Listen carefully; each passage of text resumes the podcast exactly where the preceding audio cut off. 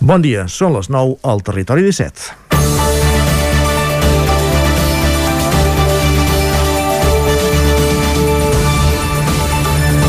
Vic tancava dissabte a la nit la 33a edició del Mercat de Música Viva amb la satisfacció d'haver reunit 17.200 espectadors als concerts de, i 626 professionals d'un sector, el de la música, tocat per la pandèmia.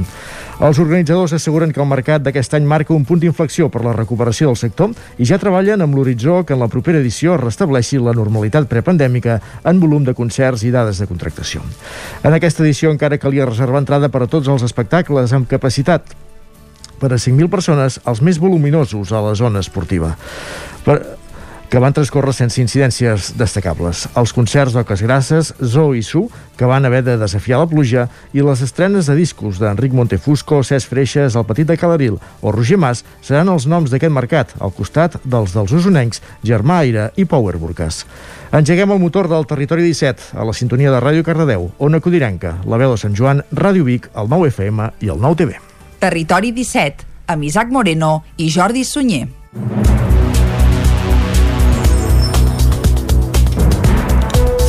Són les 9 i un minut d'avui dilluns, dia 20 de setembre de 2021. Comença ara mateix un nou Territori 17 que avui, com sempre, els dilluns us acostarem a la primera hora tota la informació de les nostres comarques. Després, el programa agafarà un marcat caràcter esportiu. Per què? Doncs perquè acabarem fent tertúlia sobre la jornada de la Lliga de Futbol d'aquest cap de setmana i també repassarem els resultats dels principals equip del, equips del nostre territori en els enfrontaments que van tenir lloc aquest cap de setmana. A més, com cada dilluns, també tindrem els solidaris amb Eloi Puigferrer. Avui parlar-nos ens parlarà de la Fundació Trueta. Tot això i moltes coses més les farem des d'ara mateix i fins al punt de les 12 del migdia. I com sempre el que fem per començar és posar-nos al dia tot fent un repàs a l'actualitat de les nostres comarques, les comarques del Ripollès, Osona, el Moianès i el Vallès Oriental.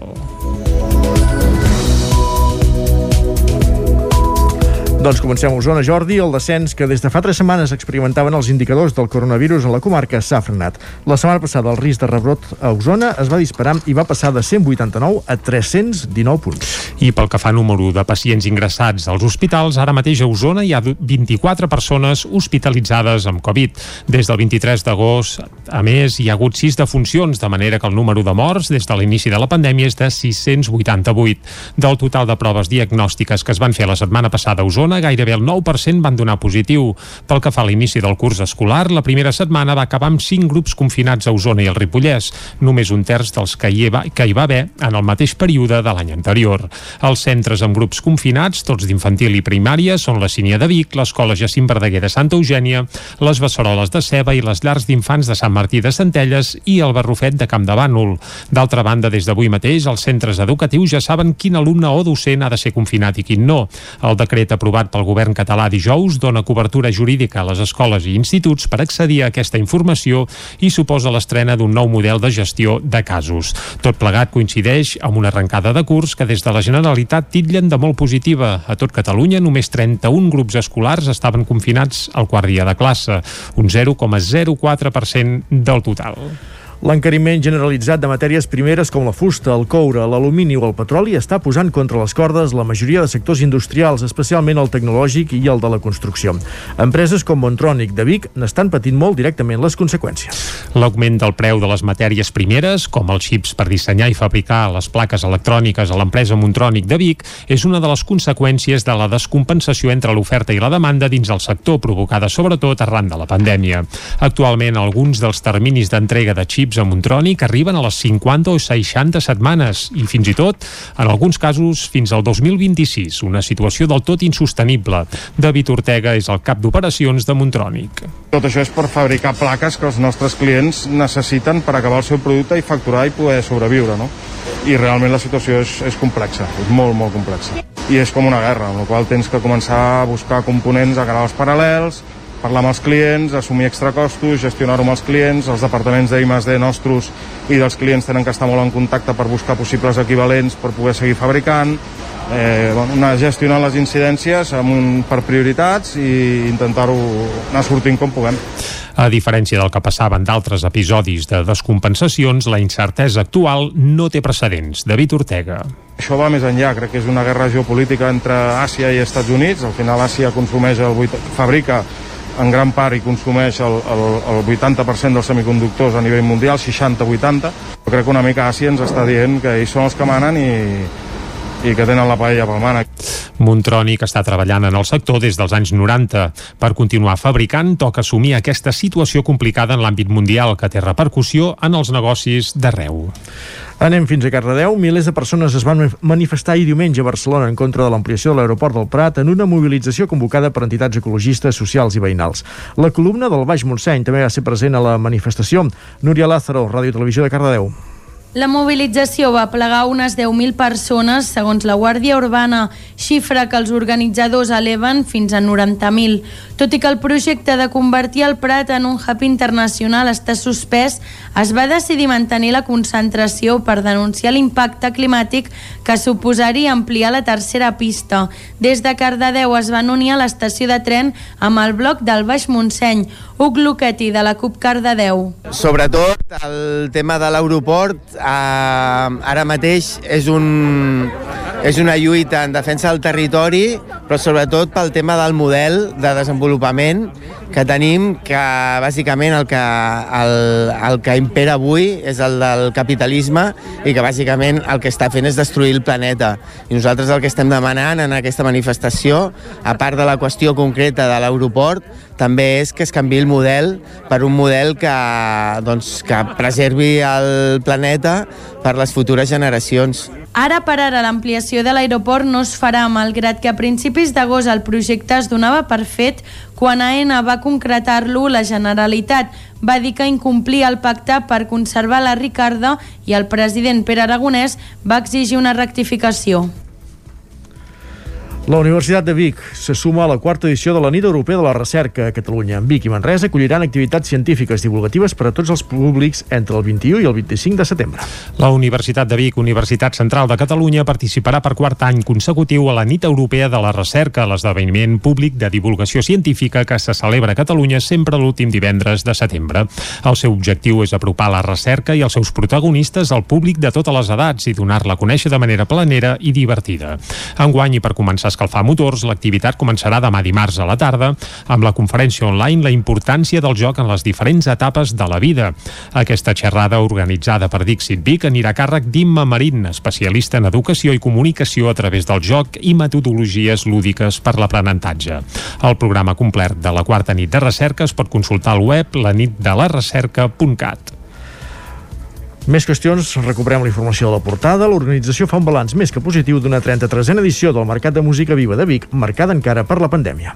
Dissabte a la nit, el multitudinari concert de Zoo a la zona esportiva va servir per tancar un mercat on s'han venut un total de 17.200 entrades de les prop de 20.000 que s'havien posat a la venda.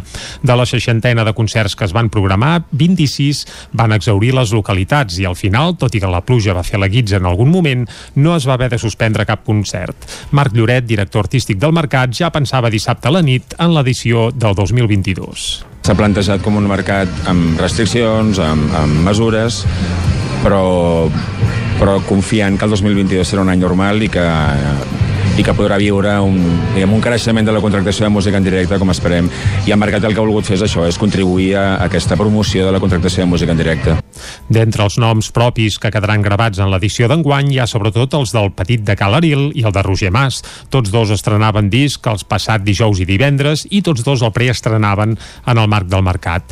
Uns altres dels triomfadors del mercat van ser Oques Grasses, que divendres a la nit van rebentar l'aforament a la zona esportiva, o els valencians O, en un concert intens i gairebé prepandèmic que es va poder seguir en directe per al Nou TV i les televisions de la xarxa. Durant el cap de setmana, dues propostes usonenques van estrenar els seus nous treballs al Mercat de Música Viva. Divendres ho van fer Germà Aire i dissabte Power Burgas. El Germà Aire van actuar divendres a l'Atlàntida amb totes les, locali les localitats exaurides des de feia dies i van presentar-hi Gornal, un disc gravat als estudis del Petit de Calaril amb Joan Pons com a productor. Luca Maceroni és membre de Germà Aire. Un treball que es diu Gornal i que, i que reflecteix un moment de, de la meva vida quan, a la, a, en el sentit de les cançons i les lletres i tot això, un mercat per en Joan Pons i, i, i degut a això hi ha hagut un resultat diferent i per tant doncs, doncs implica que, que facin, bueno, que, que ens ajudi amb la sonoritat del disc, bàsicament. Naif potser és el títol del disc que els Power Burkas van presentar dissabte a la Bassa dels Hermanos, un treball gravat en l'any de la pandèmia que manté l'essència punk que caracteritza la banda amb un toc de gratge. Marcel Pujols és el cantant i baixista dels Burkas. Aquest disc l'hem gravat en un estudi professional en comptes de fer-nos el nosaltres mateixos i, hi ha vents, hi ha petits detalls que abans no hi eren, és un disc també més curt, uh, però bueno, l'essència de Burkas hi és i, i, també, i coses diferents també. Una de les principals característiques del mercat d'enguany ha sigut l'absència de concerts al carrer. L'únic off va ser la Duberies Fest, que al final es va fer al Teatre de l'Orfeo Biguetà amb molt bona acollida per part del públic. Esports. I obrim la pàgina esportiva amb la primera jornada de l'Hockey Lliga. El Voltregà, el Voltregà va plantar cara al Barça però va acabar caient 2 a 3, mentre que el Matlleu va retornar a la màxima categoria superant l'Alcobendes per 6 a 4. El recamp Làcer Caldes comença l'Hockey Lliga també amb derrota, 2 a 1 a la seva visita a la pista del Girona, que era el campàs, ona codinenca. El partit començava bé pel Caldes després que al minut 3 Álvaro Jiménez convertís un penalti a favor del conjunt ballesà. Els de la Vila Termal volien portar el control del partit mentre els gironins responien amb un joc directe. Gerard Camps, porter del Caldes, va ser un dels noms importants de l'equip. A l'altra punta del camps abans d'acabar la primera part, Camps mantenia viu el seu equip aturant un penalti. Eduard Candami, entrenador del Caldes, alertava que la falta d'atenció i intensitat defensiva van ser els punts febles de l'equip sabem que era una pista complicada, penso que, que hem sortit bé com tocava i va, ens posem 1 a 0 amb la sensació de que, que anem a més i, i clar, el regalem mentre cometes un gol que, que sí que entra el partit. A partir d'aquí, doncs, ells eh, bueno, s'han posat a fer un joc directe que en generaven, es podien generar algun rebot, alguna situació, nosaltres anàvem fent, a la segona part, el Girona controlava el guió del partit amb atacs directes i impedint que el Caldes dominés. Només un estel·lar, Gerard Camps, mantenia dins el partit el conjunt ballesà, però una badada defensiva al minut 13 de partit va permetre a Gerard Pujol marcar el seu segon gol, que posava per davant els gironins. Candami destacava que l'equip ha d'aconseguir tenir l'estabilitat d'aquests últims minuts. Hi ha hagut excessives errades, s'ha tornat boig, els hi donàvem ells el que volien, i bueno, a partir del temps mort demanat quedant 12 minuts, doncs que, que hi ha hagut un canvi mental de l'equip i, i que els últims 12 minuts doncs, ha sigut d'alcalde, xutant, rematant, anant-hi mm. amb intensitat, com penso que podem ser-hi, després doncs el Jaume parat, després no estàs encertat la pilota parada, el que vulguis, no? Però, però en allà en allà estaves com crec que hem d'estar. No? La setmana que ve el Caldes jugarà el primer partit de la temporada a casa. Serà l'ocasió d'estrenar la renovada Torre Roja contra el Calafell. David Rovira i Georgina Gavarró guanyen la prova reina del 20, de 28 quilòmetres de la Taga Evo 2040 de Sant Joan de les Abadesses. Isaac Muntades, la veu de Sant Joan.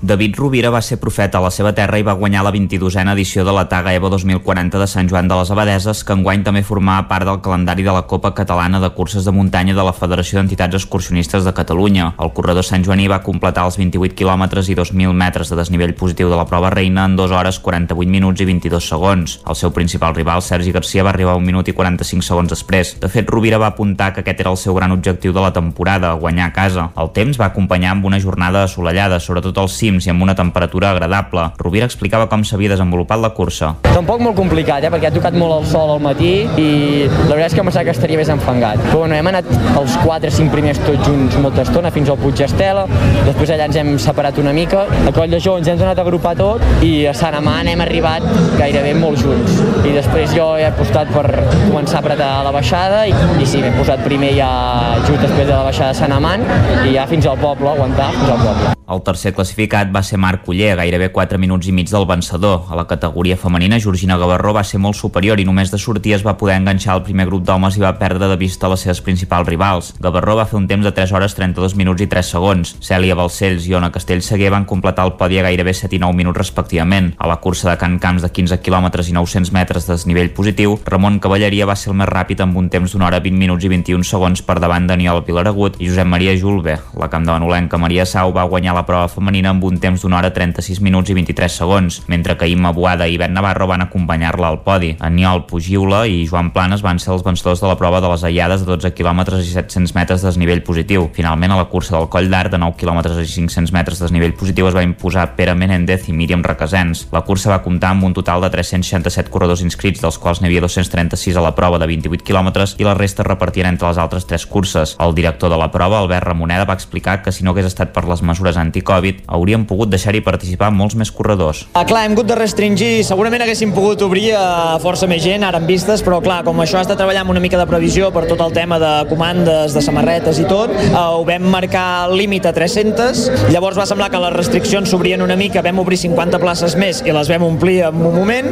i bueno, aquestes 20 addicionals que van ser compromisos i coses que tenim amb, amb la cursa. Però bé, bé, la participació ha estat molt bona i s'han omplert les places que teníem pensades molt, molt ràpid. Això sí, enguany han hagut de fer una cursa més per poder ser una prova puntuable per la Copa Catalana. També es va fer una sortida escalonada per evitar aglomeracions. A les 9 del matí van sortir els participants de la cursa de 28 quilòmetres i mitja hora més tard ho feien la resta. La jornada va tenir molta afluència de públic en un dia que els corredors van compartir espai amb els parapentistes del primer festival Hike and Fly de Sant Joan Llogassa. Gràcies, Isaac. Fins aquí aquest repàs informatiu en companyia de Jordi Sunyer, Caral Campàs, Núria Lázaro i Isaac Muntades. Ara és hora de la informació meteorològica.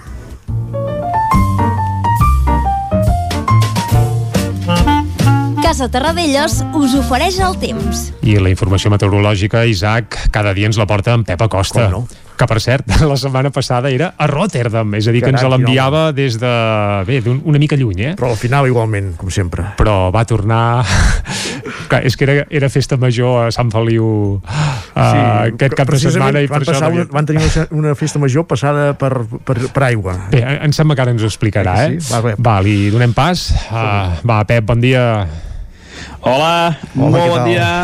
Què tal esteu? Bé, Comença una nova setmana, Mhm. la última sencera d'aquest mes de setembre Correcte. d'aquest any 2021. I quin cap de setmana, eh? Quin cap de setmana. No només ho dic perquè ha estat la festa major del nostre poble, del meu poble, de Sant Feliu, que faig una mica de, de propaganda local.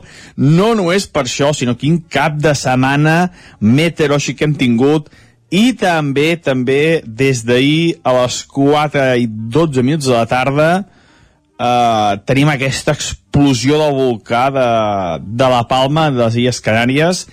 Encara no he pogut llegir molt sobre el tema, però de cara a aquests dies prometo fer una mica d'explicació d'aquest fenomen En en extraordinari que s'està produint a aquesta illa. Uh, les Canàries són unes illes volcàniques, això sí que, que tothom ho sap, sí. i feia molts anys, molts anys que no es podia una explosió com aquesta. Uh, realment em vaig enganxar i la tarda i també aquesta nit he estat bastanta estona veient aquest espectacle que és, és, és realment impressionant, impressionant la quantitat de lava que està emetent aquest volcà. S'esperava que patés, però poder no tant d'hora, hi havia molta activitat sísmica, i els pròxims us seguirem i veurem què acaba passant en aquesta illa, perquè pot ser que l'explosió d'aquest volcà vagi més, veurem, de moment no hi ha cap desgràcia a persones perquè no hi hagi cap, hi ha més de 5.000 equats i unes imatges, segur que tothom ho ha vist per la tele, espectaculars. Més a prop, més a casa nostra, més a les nostres comarques, un cap de setmana mogut. Sembla que la tardor ara sí que ja està aquí. Mínimes aquests dies entre 5 i 10 graus a moltes, moltes poblacions i entre 10 i 15 a la majoria, però ja per sota de 10 graus a moltes zones. Al Pirineu per sota dels 5. I dissabte vam tenir una tala de tempestes. 60 litres a Sant Feliu Codines, al meu poble una altra vegada, tot i que jo vaig mesurar-ne més, eh, no és, um, el meu problema no és aquests tan tan oficials, jo em vaig mesurar més de 75, però bueno, eh, aquestes tempestes tan espectaculars, tan locals, hi ha molta diferència entre molts pocs quilòmetres de distància, per tant jo crec que va prou entre 60-70 litres a la nostra població, eh, també 31 litres a Joan dels Abadeses, 29 a Núria, uh, unes tempestes bastant importants, bastant locals i molt, molt beneficioses, molt beneficioses perdó, en alguna població. Ahir un dia molt més tranquil, però com deia, aquesta entrada d'aire més fred ja es nota a tots, a tots els llocs. I avui què passarà, eh? Anem ja pel dia d'avui, podríem dir moltes més dades aquest cap de setmana, però clar, no tenim tot el temps Ah, no, del món, no. i ens focalitzem en el dia d'avui. tornem a tenir una nit freda. Jo diria freda ja en alguna població, sobretot del cap al Pirineu, que torna a baixar d'aquests 10 graus. Ja ens hem d'abrigar bastant a primera hora del matí. Ara fas força sol, tot i que ja comencen a créixer nuvolades. Unes nuvolades que de cara al migdia i primeres hores de la tarda ja acabaran amb tempesta. Tempesta, novament, que seran importants. Totes les nostres comarques tenen un avís del Servei Meteorològic de Catalunya que es poden acumular més de 20 litres en mitja hora. déu nhi Uh, per tant, precaució aquesta tarda. Avui és dia feiner, molta gent a la carretera, molta gent treballant, i poden haver tempestes molt importants aquesta tarda. Jo crec que moltes zones, sobretot del Pirineu, prou de Montseny, superem els 30-40 litres. Uh, cuidado perquè hi ha aquesta entrada d'aire fred, hi aquest front que ens està passant, i pot provocar aquesta activitat tempestuosa important. Les temperatures molt a ratlla, molta fresca, entre el 20 i 25 graus de majoria màximes, per sota inclús en alguna població del Pirineu. Uh -huh. I aquesta inestabilitat sembla que persistirà els pròxims dies. I és que s'està creant una, una pertorbació molt important entre Catalunya i València i depèn mm, aquests dies eh, d'on es configuri del tot aquesta perturbació, uns quilòmetres més amunt, més avall, pot haver-hi molta precipitació cap a Catalunya o quedarà més restringida al País Valencià. Veurem què acaba passant els pròxims dies. Avui, el que és segur és que tenim més sol, a la tarda fortes tempestes i molta, molta fresca. Moltes gràcies, adeu. Adeu, ja estem previnguts. Gràcies, Pep. Exacte, a la tarda, Isaac, al paraigua, eh? Sí. I ja dic que, clar, és un dia laborable, i ara pensàvem Torelló, avui fan festa, que és Roca Correcte. Prevera, per tant, hi ha algun racó del territori 17 que avui és festiu. La qüestió és que puguin ballar els gegants al migdia. Ah, no, avui no ballen, van ballar. Era ahir, era ahir, van ballar ahir. Avui és, el dia, de- avui és el dia d'anar al Zoo i PortAventura, tens raó. És... D'això n'haurem de parlar després. Va, tanquem aquí la pàgina meteorològica i anem a les portades. Som-hi. Casa Tarradellas us ha ofert aquest espai. Doncs avui a les portades s'estrena una edició nova. Eh, En aquest cas és l'edició del Moianès, el nou Moianès de, del 9-9 que es troba inser, inserit a les dues edicions del 9-9 d'Osona i el Ripollès i, de, i la del Vallès Oriental. El 9-9 Moianès, estrena mundial, eh? El nou Moianès, sí. Uh -huh. eh, titulars, comarca consolidada, amb una imatge panoràmica de, de, la, de la comarca. Uh, la radiografia coincidència en la idea que s'han fet passos endavant, però encara queden reptes pendents. També l'entrevista del president del Consell, Ramon Vilà, i a la il·lustradora i dissenyadora gràfica Caral Guinart, sota el títol El Moianès en femení. Són alguns dels continguts destacats en aquesta nova edició de, del nou Moianès. I som dilluns, anem per les, edicions, a les edicions clàssiques, diguem-ne, del 9-9, pel, per exemple, el d'Osona i el Ripollès obren Mercat de Música Viva, com hem fet avui aquí a Territori 17, destacant que torna al públic amb un concert, eh, bé, la foto, eh, allò, a cinc columnes, És- de, és prou d'oques grasses, sí, sí. i es veu una mà de gent espectacular. Estaven davant de cadires, no ho sembla aquí, eh? Sembla que sigui un concert normal, però sí que la gent es comportava i tot plegat. Però Alguna bé, mascareta fora, però a part d'això bé. Sí, exacte, sí, també és veritat això, eh? És força gent sense mascareta.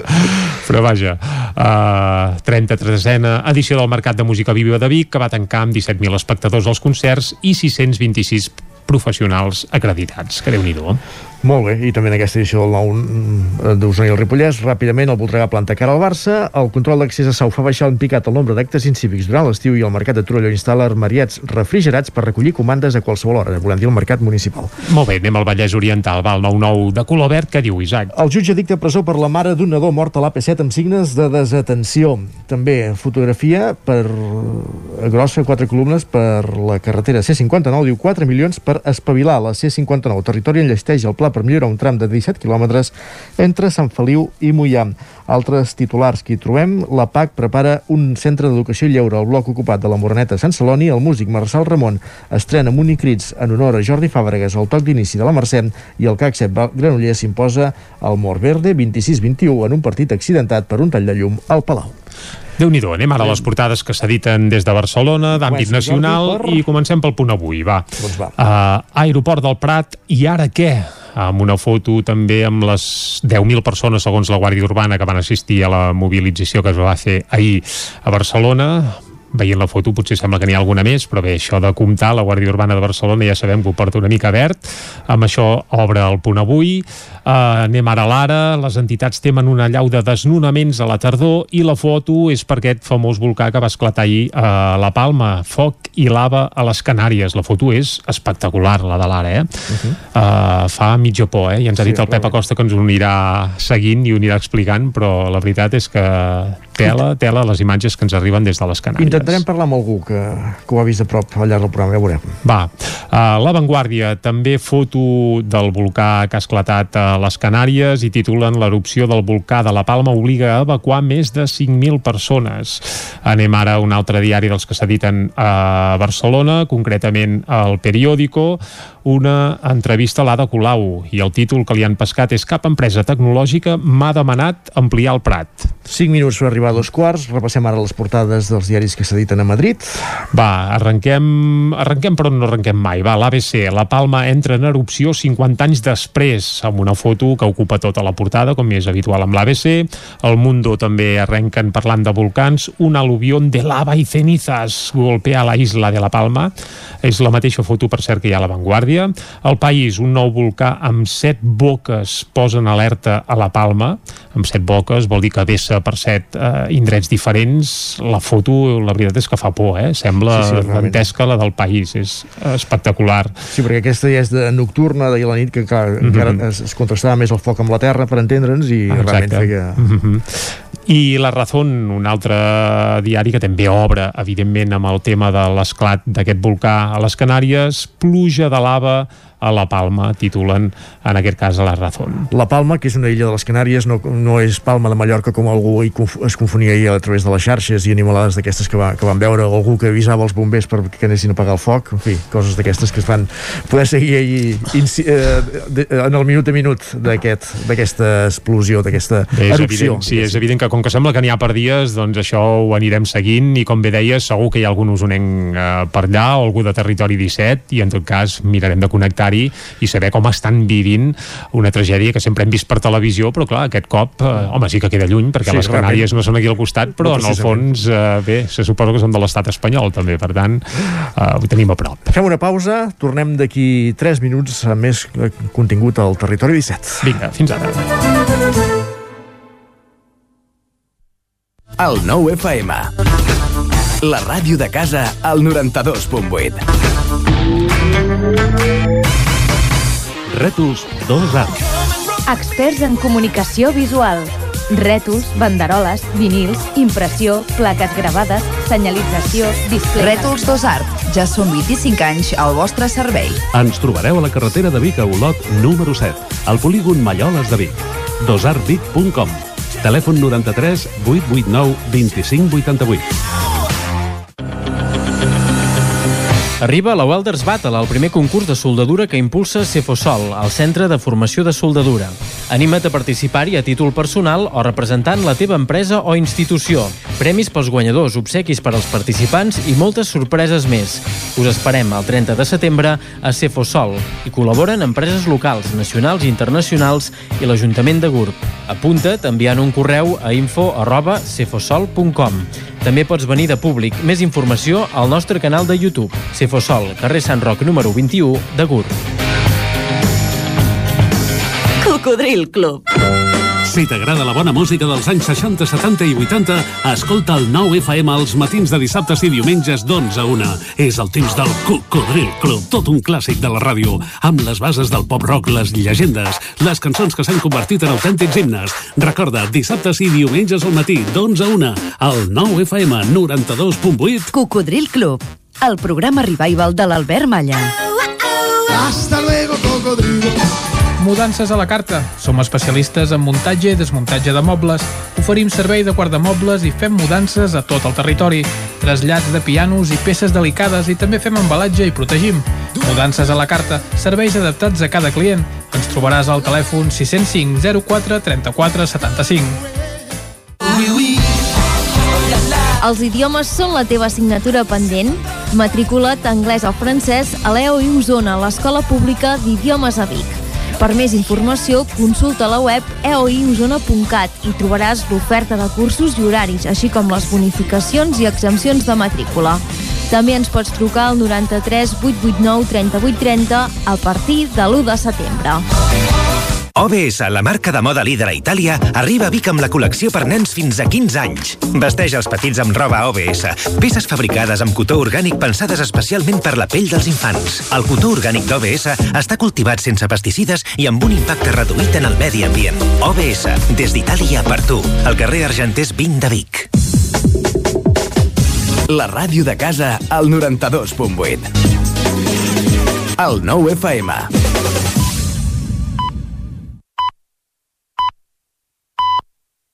Territori 17, amb Isaac Moreno i Jordi Sunyer.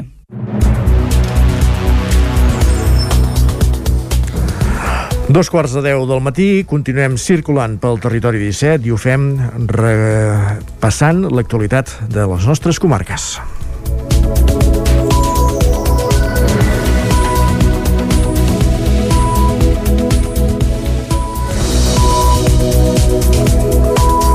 Doncs comencem a Osona, Jordi. El descens que des de fa tres setmanes experimentaven els indicadors del coronavirus a la comarca s'ha frenat.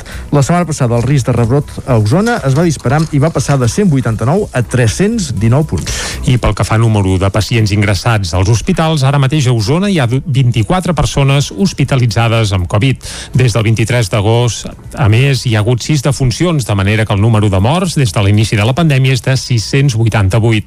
Del total de proves diagnòstiques que es van fer la setmana passada a Osona, Osona, gairebé el 9% van donar positiu. Pel que fa a l'inici del curs escolar, la primera setmana va acabar amb 5 grups confinats a Osona i el Ripollès, només un terç dels que hi, va, que hi va haver en el mateix període de l'any anterior. Els centres amb grups confinats, tots d'infantil i primària, són la Sínia de Vic, l'Escola Jacint Verdaguer de Santa Eugènia, les Besseroles de Ceba i les llars d'infants de Sant Martí de Centelles i el Barrufet de Camp de Bànol. D'altra banda, des d'avui mateix, els centres educatius ja saben quin alumne o docent ha de ser confinat i quin no. El decret aprovat aprovat pel govern català dijous dona cobertura jurídica a les escoles i instituts per accedir a aquesta informació i suposa l'estrena d'un nou model de gestió de casos. Tot plegat coincideix amb una arrencada de curs que des de la Generalitat titllen de molt positiva. A tot Catalunya només 31 grups escolars estaven confinats al quart dia de classe, un 0,04% del total. L'encariment generalitzat de matèries primeres com la fusta, el coure, l'alumini o el petroli està posant contra les cordes la majoria de sectors industrials, especialment el tecnològic i el de la construcció. Empreses com Montronic de Vic n'estan patint molt directament les conseqüències. L'augment del preu de les matèries primeres, com els xips per dissenyar i fabricar les plaques electròniques a l'empresa Montronic de Vic, és una de les conseqüències de la descompensació entre l'oferta i la demanda dins el sector, provocada sobretot arran de la pandèmia. Actualment, alguns dels terminis d'entrega de xips xips a Montronic arriben a les 50 o 60 setmanes i fins i tot, en alguns casos, fins al 2026, una situació del tot insostenible. David Ortega és el cap d'operacions de Montronic. Tot això és per fabricar plaques que els nostres clients necessiten per acabar el seu producte i facturar i poder sobreviure, no? I realment la situació és, és complexa, és molt, molt complexa. I és com una guerra, amb la qual tens que començar a buscar components a canals paral·lels, parlar amb els clients, assumir extracostos, gestionar-ho amb els clients, els departaments d'I+D nostres i dels clients tenen que estar molt en contacte per buscar possibles equivalents per poder seguir fabricant, eh, bueno, anar gestionant les incidències amb un, per prioritats i intentar-ho anar sortint com puguem.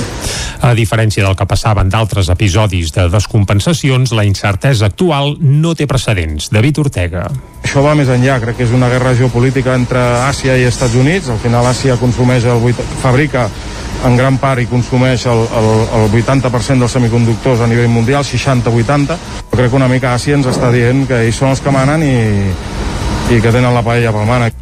Montronic està treballant en el sector des dels anys 90. Per continuar fabricant, toca assumir aquesta situació complicada en l'àmbit mundial que té repercussió en els negocis d'arreu. Anem fins a Cardedeu. Milers de persones es van manifestar ahir diumenge a Barcelona en contra de l'ampliació de l'aeroport del Prat en una mobilització convocada per entitats ecologistes, socials i veïnals. La columna del Baix Montseny també va ser present a la manifestació. Núria Lázaro, Ràdio Televisió de Cardedeu. La mobilització va plegar unes 10.000 persones, segons la Guàrdia Urbana, xifra que els organitzadors eleven fins a 90.000. Tot i que el projecte de convertir el Prat en un hub internacional està suspès, es va decidir mantenir la concentració per denunciar l'impacte climàtic que suposaria ampliar la tercera pista. Des de Cardedeu es van unir a l'estació de tren amb el bloc del Baix Montseny. Huc Luqueti, de la CUP Cardedeu. Sobretot el tema de l'aeroport eh, ara mateix és, un, és una lluita en defensa del territori, però sobretot pel tema del model de desenvolupament que tenim, que bàsicament el que, el, el que impera avui és el del capitalisme i que bàsicament el que està fent és destruir el planeta. I nosaltres el que estem demanant en aquesta manifestació, a part de la qüestió concreta de l'aeroport, també és que es canvi el model per un model que, doncs, que preservi el planeta per les futures generacions. Ara per ara l'ampliació de l'aeroport no es farà, malgrat que a principis d'agost el projecte es donava per fet quan AENA va concretar-lo la Generalitat. Va dir que incomplia el pacte per conservar la Ricarda i el president Pere Aragonès va exigir una rectificació. La Universitat de Vic se suma a la quarta edició de la Nit Europea de la Recerca a Catalunya. En Vic i Manresa acolliran activitats científiques divulgatives per a tots els públics entre el 21 i el 25 de setembre. La Universitat de Vic, Universitat Central de Catalunya, participarà per quart any consecutiu a la Nit Europea de la Recerca, l'esdeveniment públic de divulgació científica que se celebra a Catalunya sempre l'últim divendres de setembre. El seu objectiu és apropar la recerca i els seus protagonistes al públic de totes les edats i donar-la a conèixer de manera planera i divertida. Enguany, i per començar a escalfar motors, l'activitat començarà demà dimarts a la tarda amb la conferència online La importància del joc en les diferents etapes de la vida. Aquesta xerrada organitzada per Dixit Vic anirà a càrrec d'Imma Marín, especialista en educació i comunicació a través del joc i metodologies lúdiques per l'aprenentatge. El programa complet de la quarta nit de recerca es pot consultar al web lanitdelarecerca.cat.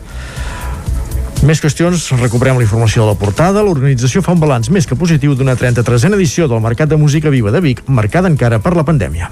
Dissabte a la nit, el multitudinari concert de Zoo a la zona esportiva va servir per tancar un mercat on s'han venut un total de 17.200 entrades de les prop de 20.000 que s'havien posat a la venda.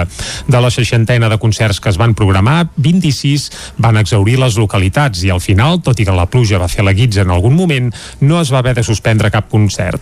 Marc Lloret, director artístic del mercat, ja pensava dissabte a la nit en l'edició del 2022. S'ha plantejat com un mercat amb restriccions, amb, amb mesures, però, però confiant que el 2022 serà un any normal i que i que podrà viure un, diguem, un creixement de la contractació de música en directe, com esperem. I el mercat el que ha volgut fer és això, és contribuir a aquesta promoció de la contractació de música en directe. D'entre els noms propis que quedaran gravats en l'edició d'enguany hi ha sobretot els del Petit de Calaril i el de Roger Mas. Tots dos estrenaven disc els passat dijous i divendres i tots dos el preestrenaven en el marc del mercat. Uns altres dels triomfadors del mercat van ser Oques Grasses, que divendres a la nit van rebentar l'aforament a la zona esportiva, o els valencians O, en un concert intens i gairebé prepandèmic que es va poder seguir en directe per al Nou TV i les televisions de la xarxa. Durant el cap de setmana, dues propostes usonenques van estrenar els seus nous treballs al Mercat de Música Viva. Divendres ho van fer Germà Aire i dissabte Power Burgas. El Germà Aire van actuar divendres a l'Atlàntida amb totes les, locali les localitats exaurides des de feia dies i van presentar-hi Gornal, un disc gravat als estudis del Petit de Calaril amb Joan Pons com a productor. Luca Maceroni és membre de Germà Aire. Un treball que es diu Gornal i que, i que reflecteix un moment de, de la meva vida quan, a la, a, en el sentit de les cançons i les lletres i tot això, un mercat per en Joan Pons i, i, i degut a això hi ha hagut un resultat diferent i per tant doncs, doncs implica que, que facin, bueno, que, que ens ajudi amb la sonoritat del disc bàsicament. Naif potser és el títol del disc que els Power Burkas van presentar dissabte a la Bassa dels Hermanos, un treball gravat en l'any de la pandèmia que manté l'essència punk que caracteritza la banda amb un toc de gratge. Marcel Pujols és el cantant i baixista dels Burkas. Aquest disc l'hem gravat en un estudi professional en comptes de fer-nos el nosaltres mateixos i, i hi ha vents, hi ha petits detalls que abans no hi eren, és un disc també més curt, uh, però bueno, l'essència de Burkas hi és i, i, també, i coses diferents també. Una de les principals característiques del mercat d'enguany ha sigut l'absència de concerts al carrer. L'únic off va ser la Duberies Fest, que al final es va fer al Teatre de l'Orfeo Bigatà amb molt bona acollida per part del públic. Esports. I obrim la pàgina esportiva amb la primera jornada de l'Hockey Lliga. El Voltregà, el Voltregà va plantar cara al Barça però va acabar caient 2 a 3, mentre que el Manlleu va retornar a la màxima categoria superant l'Alcobendes per 6 a 4. El recamp Làser Caldes comença l'Hockey Lliga també amb derrota, 2 a 1 a la seva visita a la pista del Girona, que era el campàs, Ona Codinenca. El partit començava bé pel Caldes després que al minut 3 Álvaro Jiménez convertís un penalti a favor del conjunt ballesà. Els de la Vila Termal volien portar el control del partit mentre els gironins responien amb un joc directe. Gerard Camps, porter del Caldes, va ser un dels noms importants de l'equip. A l'altra punta del camps abans d'acabar la primera part, Camps mantenia viu el seu equip aturant un penalti. Eduard Candami, entrenador del Caldes, alertava que la falta d'atenció i intensitat defensiva van ser els punts febles de l'equip sabem que era una pista complicada, penso que, que hem sortit bé com tocava i bé, ens posem 1 a 0 amb la sensació de que, que anem a més i, i clar, el regalem mentre cometes un gol que, que sigui entre el partit. A partir d'aquí, doncs, ells eh, bueno, se'n podria fer un joc directe que en generaven, es podien generar algun rebot, alguna situació, nosaltres anàvem fent, a la segona part, el Girona controlava el guió del partit amb atacs directes i impedint que el Caldes dominés. Només un estel·lar, Gerard Camps, mantenia dins el partit el conjunt ballesà, però una vegada defensiva al minut 13 de partit va permetre a Gerard Pujol marcar el seu segon gol, que posava per davant els gironins. Candami destacava que l'equip ha d'aconseguir tenir l'estabilitat d'aquests últims minuts. Hi ha hagut excessives errades, el s'ha tornat boig, els hi donàvem ells el que volien, i bueno, ja el temps mort demanat quedant 12 minuts, doncs que, que hi ha hagut un canvi mental de l'equip i, i que els últims 12 minuts doncs, ha sigut d'alcalde, xutant, rematant, anant-hi mm. amb intensitat, com penso que podem ser-hi, després doncs, el Jaume parat, després no estàs en la pilota parada, el que vulguis, no? Però, però en allà en allà estaves com crec que hem d'estar. No? La setmana que ve, el Calde jugarà el primer partit de la temporada a casa. Serà l'ocasió d'estrenar la renovada Torre Roja contra el Calafell. David Rovira i Georgina Gavarró guanyen la prova reina del 20, de 28 quilòmetres de la Taga Evo 2040 de Sant Joan de les Abadesses. Isaac Muntades, la veu de Sant Joan. David Rovira va ser profeta a la seva terra i va guanyar la 22a edició de la Taga Evo 2040 de Sant Joan de les Abadeses, que enguany també formava part del calendari de la Copa Catalana de Curses de Muntanya de la Federació d'Entitats Excursionistes de Catalunya. El corredor Sant Joaní va completar els 28 quilòmetres i 2.000 metres de desnivell positiu de la prova reina en 2 hores 48 minuts i 22 segons. El seu principal rival, Sergi Garcia, va arribar un minut i 45 segons després. De fet, Rovira va apuntar que aquest era el seu gran objectiu de la temporada, guanyar a casa. El temps va acompanyar amb una jornada assolellada, sobretot al cims i amb una temperatura agradable. Rovira explicava com s'havia desenvolupat la cursa. És un poc molt complicat, eh, perquè ha tocat molt el sol al matí i la veritat és que pensava que estaria més enfangat. Però bueno, hem anat els 4-5 primers tots junts molta estona fins al Puig Estela, després allà ens hem separat una mica, a Coll de Jou ens hem anat a agrupar tot i a Sant Amant hem arribat gairebé molt junts. I després jo he apostat per començar a apretar la baixada i, i sí, m'he posat primer ja just després de la baixada de Sant Amant i ja fins al poble, aguantar fins al poble. El tercer classificat va ser Marc Culler, gairebé 4 minuts i mig del vencedor. A la categoria femenina, Georgina Gavarró va ser molt superior i només de sortir es va poder enganxar al primer grup d'homes i va perdre de vista les seves principals rivals. Gavarró va fer un temps de 3 hores 32 minuts i 3 segons. Cèlia Balcells i Ona Castellseguer van completar el podi a gairebé 7 i 9 minuts respectivament. A la cursa de Can Camps de 15 km i 900 metres de desnivell positiu, Ramon Cavalleria va ser el més ràpid amb un temps d'una hora 20 minuts i 21 segons per davant Daniel Pilaragut i Josep Maria Julve. La campdevanolenca Maria Sau va guanyar la prova femenina amb un temps d'una hora 36 minuts i 23 segons, mentre que Imma Boada i Ben Navarro van acompanyar-la al podi. Aniol Pugiula i Joan Planes van ser els vencedors de la prova de les aïllades de 12 km i 700 metres de desnivell positiu. Finalment, a la cursa del Coll d'Art de 9 km i 500 metres de desnivell positiu es va imposar Pere Menendez i Míriam Requesens. La cursa va comptar amb un total de 367 corredors inscrits, dels quals n'hi havia 236 a la prova de 28 km i la resta repartien entre les altres tres curses. El director de la prova, Albert Ramoneda, va explicar que si no hagués estat per les mesures anti-Covid, hauria haurien pogut deixar-hi participar molts més corredors. Ah, clar, hem hagut de restringir, segurament haguéssim pogut obrir a força més gent, ara en vistes, però clar, com això treballar amb una mica de previsió per tot el tema de comandes, de samarretes i tot, eh, ho vam marcar límit a 300, llavors va semblar que les restriccions s'obrien una mica, vam obrir 50 places més i les vam omplir en un moment, i bueno, aquestes 20 addicionals que van ser compromisos i coses que tenim amb, amb la cursa.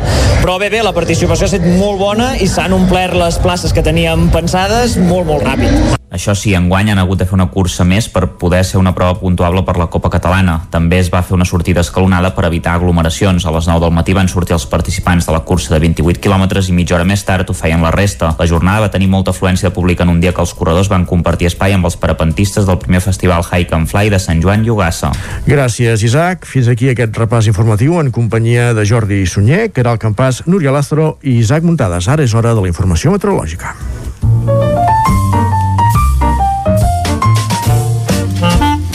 Casa Terradellos us ofereix el temps. I la informació meteorològica, Isaac, cada dia ens la porta en Pep Acosta. Com no? Que, per cert, la setmana passada era a Rotterdam, és a dir, que ens l'enviava des de...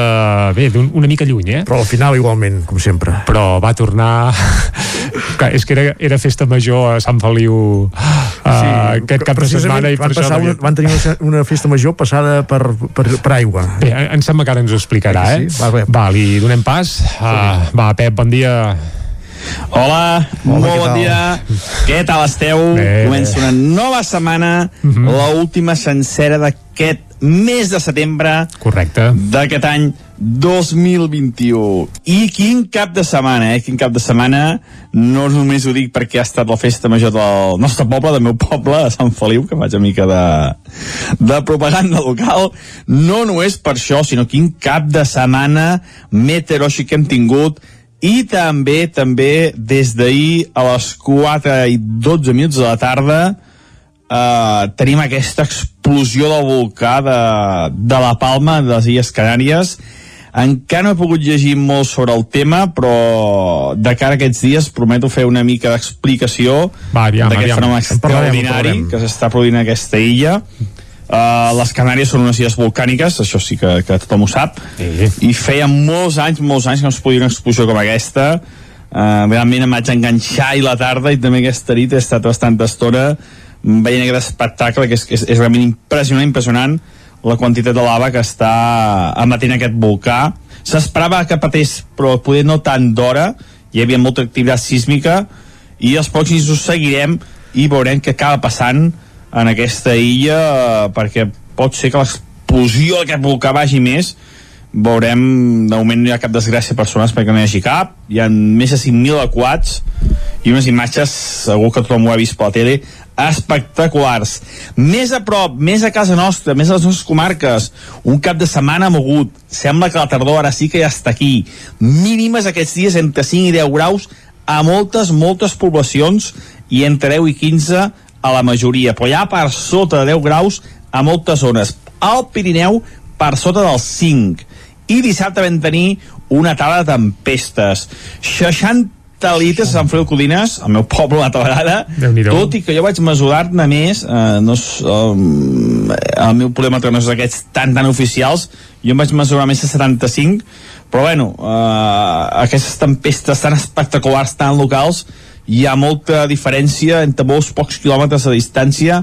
Per tant jo crec que va ploure entre 60-70 litres a la nostra població.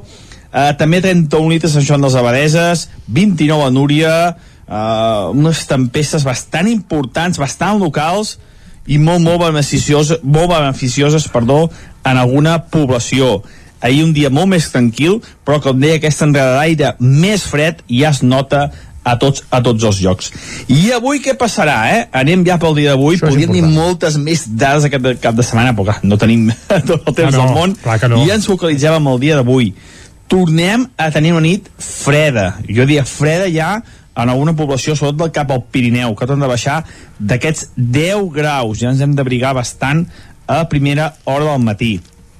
Ara fas força sol, tot i que ja comencen a créixer nuvolades. Unes nuvolades que de cara al migdia i primeres hores de la tarda ja acabaran amb tempesta. Tempesta, novament, que seran importants. Totes les nostres comarques tenen un avís del Servei Meteorològic de Catalunya que es poden acumular més de 20 litres en mitja hora. déu nhi uh, Per tant, precaució aquesta tarda, avui és dia feiner, molta gent a la carretera, molta gent treballant, i poden haver tempestes molt importants aquesta tarda. Jo crec que moltes zones, sobretot del Pirineu, però de Montseny, superem els 30-40 litres. Uh, cuidado perquè hi ha aquesta entrada d'aire fred, hi ha aquest front que ens està passant, i pot provocar aquesta activitat tempestuosa important. Les temperatures molt a ratlla, molta fresca, entre el 20 i 25 graus de majoria màximes, per sota inclús en alguna població del Pirineu. Uh -huh. I aquesta inestabilitat sembla que persistirà els pròxims dies. I és que s'està creant una, una pertorbació molt important entre Catalunya i València i depèn mm, aquests dies eh, d'on es configuri del tot aquesta perturbació, uns quilòmetres més amunt, més avall, pot haver-hi molta precipitació cap a Catalunya o quedarà més restringida al País Valencià. Veurem què acaba passant els pròxims dies. Avui, el que és segur és que tenim més sol, a la tarda fortes tempestes i molta, molta fresca. Moltes gràcies, adeu. Adeu, ja estem previnguts. Gràcies, Pep. Exacte, a la tarda, Isaac, al paraigua, eh? Sí. I ja dic que, clar, és un dia laborable i ara pensàvem Torelló, avui fan festa, que és Roca Correcte. Prevera, per tant, hi ha algun racó del territori 17 que avui és festiu. La qüestió és que puguin ballar els gegants al migdia. Ah, no, avui no ballen, van ballar. Era ahir, era ahir, van ballar ahir. Avui és, el dia de, avui és el dia d'anar al Zoo i PortAventura, tens raó. D'això n'haurem de parlar després. Va, tanquem aquí la pàgina meteorològica i anem a les portades. Casa Tarradellas us ha ofert aquest espai. Doncs avui a les portades s'estrena una edició nova. Eh, En aquest cas és l'edició del Moianès, el nou Moianès de, del 9-9 que es troba inser, inserit a les dues edicions del 9-9 d'Osona i el Ripollès i, de, i la del Vallès Oriental. El 9-9 Moianès, estrena mundial, eh? El nou Moianès, sí. Uh -huh. eh, titulars, comarca consolidada, amb una imatge panoràmica de, de, la, de la comarca. Eh, la radiografia coincidència en la idea que s'han fet passos endavant, però encara queden reptes pendents. També l'entrevista del president del Consell, Ramon Vilà, i a la il·lustradora i dissenyadora gràfica Caral Guinart, sota el títol El Moianès en femení. Són alguns dels continguts destacats en aquesta nova edició de, del nou Moianès. I som dilluns, anem per les, edicions, a les edicions clàssiques, diguem-ne, del 9-9, pel, per exemple, el d'Osona i el Ripollès obre amb Mercat de Música Viva, com hem fet avui aquí a Territori 17, destacant que torna al públic amb un concert, eh, bé, la foto eh, allò a cinc columnes, És- de és toques grasses, sí, sí. i es veu una mà de gent espectacular. Estaven davant de cadires, no ho sembla aquí, eh? Sembla que sigui un concert normal, però sí que la gent es comportava i tot plegat. Però Alguna bé, mascareta fora, però, però d'això bé. Sí, exacte, sí, també és veritat això, eh? Força gent sense mascareta. Però vaja, uh, 33a edició del Mercat de Música Viva de Vic, que va tancar amb 17.000 espectadors als concerts i 626 professionals acreditats. Que déu nhi Molt bé, i també en aquesta edició del 9 d'Osona i el Ripollès, ràpidament el Voltregà planta cara al Barça, el control d'accés a Sau fa baixar en picat el nombre d'actes incívics durant l'estiu i el mercat de Torelló instal·la armariats refrigerats per recollir comandes a qualsevol hora, volem dir el mercat municipal. Molt bé, anem al Vallès Oriental, va, el 9-9 de color verd, que diu Isaac? El jutge dicta presó per la mare d'un nadó mort a l'AP7 amb signes de desatenció. També fotografia per eh, grossa, quatre columnes per la carretera C59, diu 4 milions per espavilar la C59. Territori enllesteix el pla per millorar un tram de 17 quilòmetres entre Sant Feliu i Mollà. Altres titulars que hi trobem, la PAC prepara un centre d'educació lleure al bloc ocupat de la Moreneta Sant Celoni, el músic Marçal Ramon estrena amb unicrits en honor a Jordi Fàbregas al toc d'inici de la Mercè i el CAC 7 Granollers s'imposa al Morverde 26-21 en un partit accidentat per un tall de llum al Palau. déu nhi anem ara a les portades que s'editen des de Barcelona, d'àmbit nacional, per- i comencem pel punt avui, va. Doncs va. Uh, aeroport del Prat, i ara què? amb una foto també amb les 10.000 persones segons la Guàrdia Urbana que van assistir a la mobilització que es va fer ahir a Barcelona veient la foto potser sembla que n'hi ha alguna més però bé, això de comptar, la Guàrdia Urbana de Barcelona ja sabem que ho porta una mica verd. Amb això obre el punt avui. Uh, anem ara a l'ara. Les entitats temen una llau de desnonaments a la tardor i la foto és per aquest famós volcà que va esclatar ahir a La Palma. Foc i lava a les Canàries. La foto és espectacular, la de l'ara eh? Uh -huh. uh, fa mitja por eh? i ens ha Sí, dit el Pep Acosta que ens ho anirà seguint i ho anirà explicant però la veritat és que tela, tela les imatges que ens arriben des de les Canàries Intentarem parlar amb algú que, que ho ha vist de prop al llarg del programa, ja veurem. Va, a La Vanguardia també foto del volcà que ha esclatat a les Canàries i titulen l'erupció del volcà de la Palma obliga a evacuar més de 5.000 persones. Anem ara a un altre diari dels que s'editen a Barcelona, concretament al Periódico, una entrevista a l'Ada Colau i el títol que li han pescat és cap empresa tecnològica m'ha demanat ampliar el Prat. 5 minuts per arribar a dos quarts, repassem ara les portades dels diaris que s'editen a Madrid. Va, arrenquem, arrenquem però no arrenquem mai. Va, l'ABC, La Palma entra en erupció 50 anys després, amb una foto que ocupa tota la portada, com és habitual amb l'ABC. El Mundo també arrenquen parlant de volcans. Un aluvión de lava i cenizas golpea la isla de La Palma. És la mateixa foto, per cert, que hi ha a La Vanguardia. El País, un nou volcà amb set boques posa en alerta a La Palma. Amb set boques vol dir que vessa per set eh, indrets diferents. La foto, la veritat és que fa por, eh? Sembla Sí, sí, dantesca la del País. És espectacular. Sí, perquè aquesta ja és de nocturna, d'ahir a la nit, que clar, mm -hmm. encara es, es contrastava més el foc amb la terra, per entendre'ns, i Exacte. realment feia... Mm -hmm. I La Razón, un altre diari que també obre, evidentment, amb el tema de l'esclat d'aquest volcà a les Canàries, pluja de lava a La Palma, titulen en aquest cas a La Razón. La Palma, que és una illa de les Canàries, no, no és Palma de Mallorca com algú hi conf es confonia ahir a través de les xarxes i animalades d'aquestes que, va, que van veure, o algú que avisava els bombers perquè anessin a apagar el foc, en fi, coses d'aquestes que es van poder seguir ahir eh, de, en el minut a minut d'aquest- d'aquesta explosió, d'aquesta erupció. evident, sí, és evident que com que sembla que n'hi ha per dies, doncs això ho anirem seguint i com bé deies, segur que hi ha algun usonenc eh, per allà o algú de territori 17 i en tot cas mirarem de connectar-hi i saber com estan vivint una tragèdia que sempre hem vist per televisió, però clar, aquest cop, eh, home, sí que queda lluny perquè Sí, les Canàries no són aquí al costat, però en el fons, eh, bé, se suposa que són de l'estat espanyol també, per tant, eh, ho tenim a prop.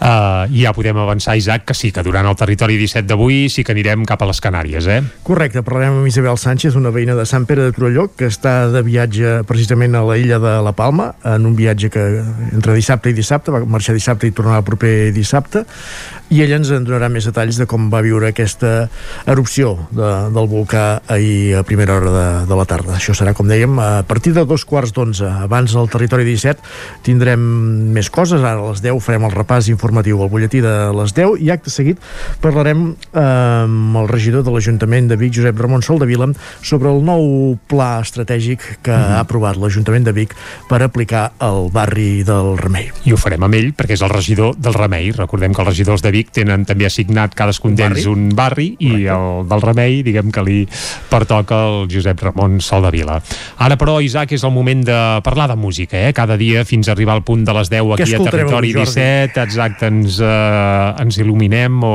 ens descaboriem amb una mica de música. I avui aprofitant doncs, que venim d'un cap de setmana de mercat de música viva de Vic repescarem una peça bé, no repescarem sinó que estrenarem. Avui anem d'estrena. La setmana passada ja vam sentir bé, i avui també els hem escoltat eh, el Germaire, el butlletí informatiu que parlaven del concert en què van presentar el seu nou disc. El seu nou disc es dirà Gornal i ho direm en futur perquè el disc fins al mes que ve encara no es podrà escoltar sencer ni es podrà comprar. Però sí que avui en podem preestrenar una peça. La setmana passada encara no n'havien donat a conèixer cap, eh? però avui aquí a Territori 17 en exclusiva mundial doncs podrem escoltar una de les peces que formaran part de la Gornal, dius, ostres, quin títol més estrany eh? però aquí hi ha trampa. Es diu Gornal perquè resulta que Gornal era la casa d'en Ramon Genís que és una masia ubicada a Gurb on eh, el germà Aire doncs, tenien el seu local d'assaig. Ara en tenen un altre, però quan van començar tenien un local que el compartien amb els Mates Mates, que eren ells mateixos amb l'Areu Escampa i amb altres grups. Doncs això, tenien aquest, aquest local que es deia Gornal i aquest és el títol que han posat al disc. I la cançó que escoltarem ara és d'un single, el primer single que es donarà a conèixer, a més a més també del disc, que es diu Tu. Teu, eh? no té trampes ni cartrons. Doncs si et sembla, amb aquesta peça arribarem fins al punt de les 10 aquí a Territori 17 recordant que Germaire doncs són bàsicament el Luca Macerone i l'Andreu Ribes acompanyats en aquest cas del Gudi sí, sí, en Gudi dels Cardafàstic qui toca la guitarra i en Joan Paré eh, teclista, per exemple, dels Palat i Pelut que també s'ha afegit a l'aventura del Germaire Escoltem aquest tu del disc Gornal. Amb això arribem fins a les 10 aquí a Territori 17. I les.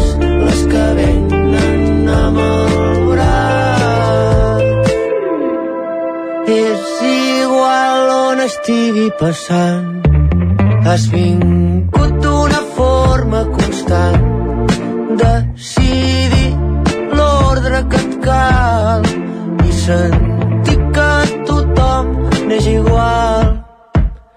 No et vull veure més dormint a la porta del cau.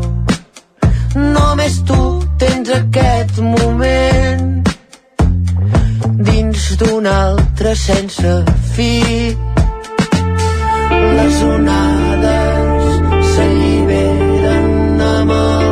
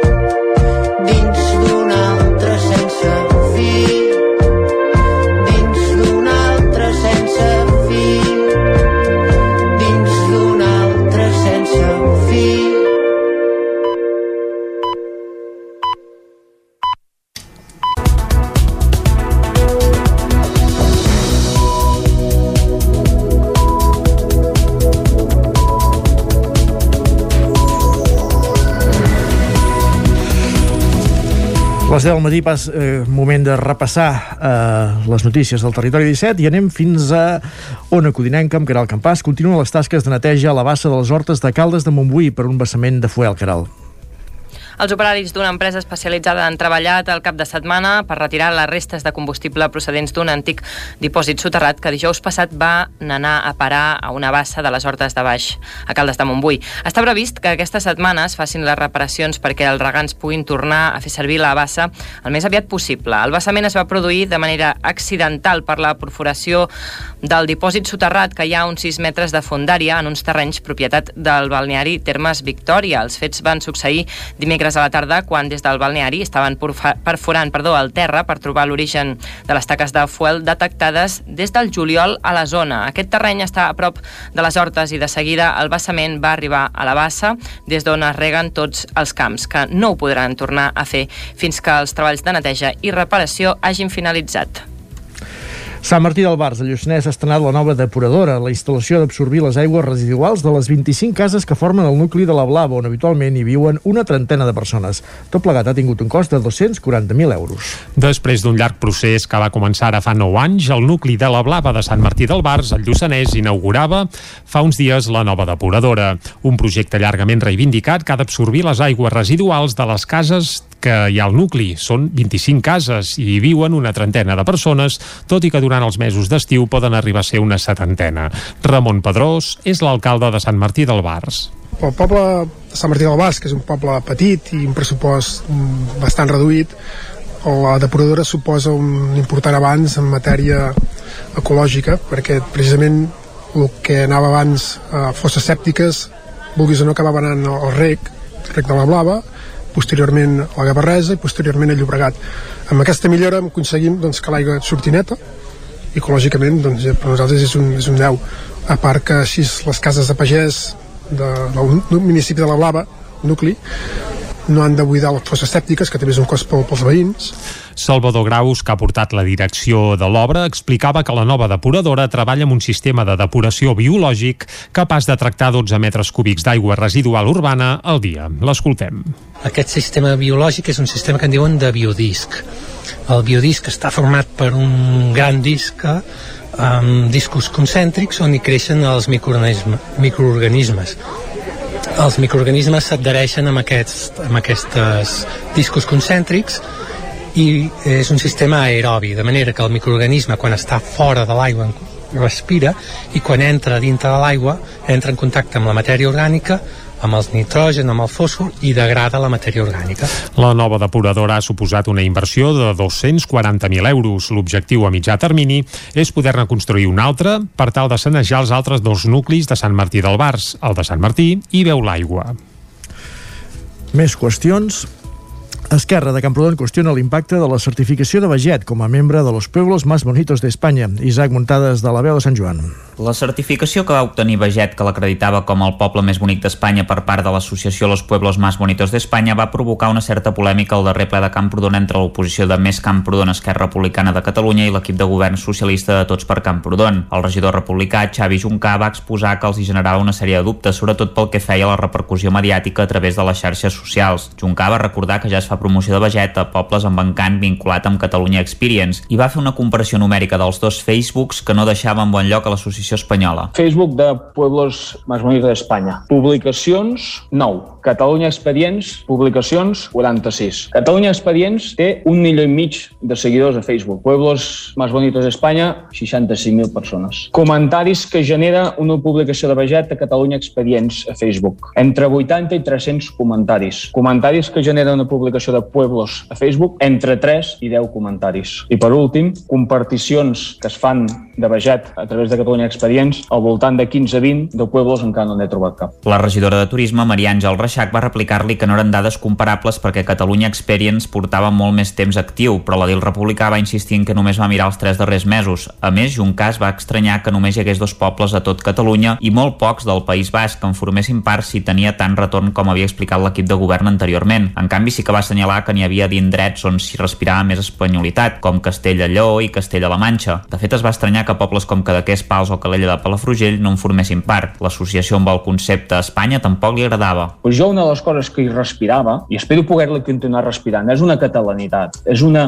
un espai lliure de tota aquesta Espanya que ens està matxacant tant. I a més a més, quan vas a Veget hi ha un, ja ho sabeu tots, hi ha un lloc, hi ha un establiment privat que s'esforça per fotre una estelada allà immensa, aquesta catalanitat també m'agradava i per tant crec que Veget com a poble amb encant i vinculat a una catalanitat a la, a la Catalunya amagada, tenia el seu valor. I vinculat amb Espanya i veure d'entrar a Veget un rètol que m'hi foti Espanya, bé, ja et dic, tant de bo no passi, però em genera certa, com a mínim, certa inquietud. A més, va recordar que la celebració de la festa d'aquesta associació és l'1 d'octubre i els pobles pertanyents hi pengen la bandera. Reixac va dir que no hi estaven obligats i que l'associació era política. L'alcalde Xavier Guitar va recordar que l'interès per entrar a aquesta associació va començar fa un any i mig, sobretot perquè els permetria guanyar turisme internacional i certament asseguren que han tingut un retorn en forma de turisme cultural i de qualitat. El Vall de Camprodoní també va posar un exemple pràctic i beneficiós pel poble pel fet de pertànyer a l'associació. El que fan és lluitar pels pobles i intentar que aquests pobles tinguin serveis i millores que ara no en poden gaudir. Poso aquest exemple perquè hi ha un tema d'un conveni tancat per carregadors elèctrics en els quals a tots els pobles que, es, que en formin part tindran carregadors elèctrics gratuïts, totalment gratuïts. Llavors estan lluitant amb les companyies perquè el tema que parlàvem de la,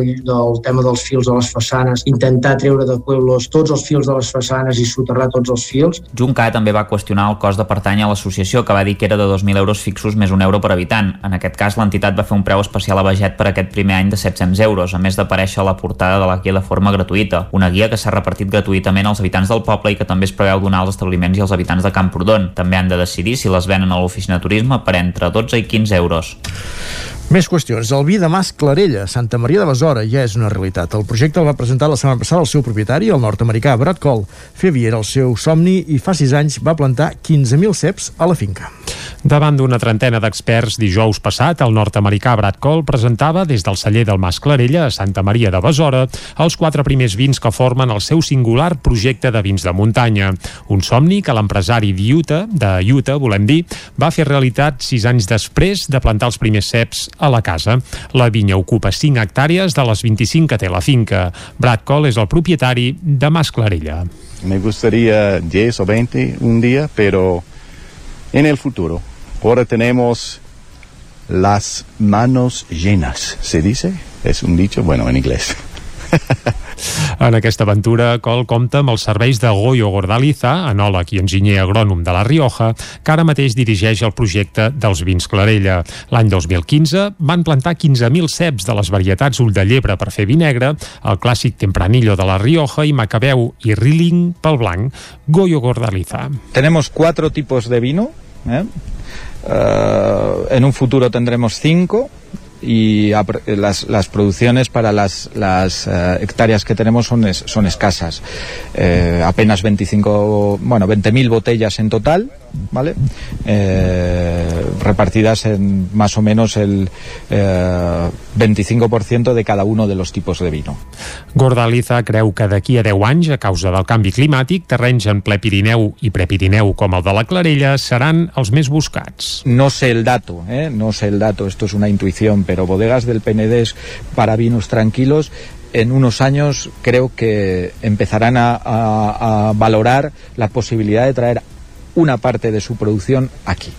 La presentació dels vins, dos negres i dos blancs, va acabar amb un tast que va conduir el mateix Gordaliza. El Festival de Terror de Cardedeu, o Cardo Terror, celebrarà Halloween amb quatre nits al cinema Esbarjo de Cardedeu. Núria Lázaro, de Ràdio Televisió de Cardedeu. Divendres passat a Cardedeu es va fer la presentació del Festival Cardoterror, que es celebrarà entre els dies 28 d'octubre i 1 de novembre al Cinema Esbarjo de Cardedeu.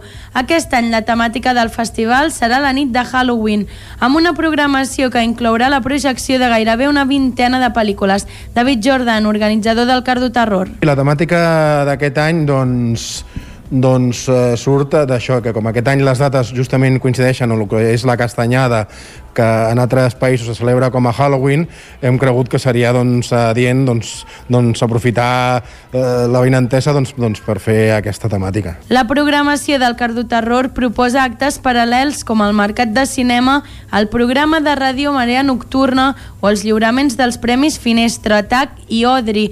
A cada edició del Cardoterror, l'equip del festival reconeix la trajectòria de personalitats vinculades al món del cinema de terror amb el Premi Odri. David Jordan. Premi Audrey aquest any va, va a l'actriu Lon Fleming, que és una actriu veterana que sobretot és coneguda per la seva participació a la pel·lícula La noche del terror ciego de Mando de Osorio però també ha participat en moltes altres pel·lícules, sobretot dels 70 i els 80, i ara encara continua en actiu, col·laborant a curtmetratges, inclús dirigint algun. El Cardoterror segueix consolidant la seva vinculació amb el Festival de Sitges. Enguany la col·laboració entre els dos festivals acosta a Cardedeu Prisoners of the Ghostland, pel·lícula que únicament s'ha vist en el marc del Festival del Garraf. Properament es confirmarà una segona incorporació a la graella d'una altra pel·lícula que arriba des de Sitges.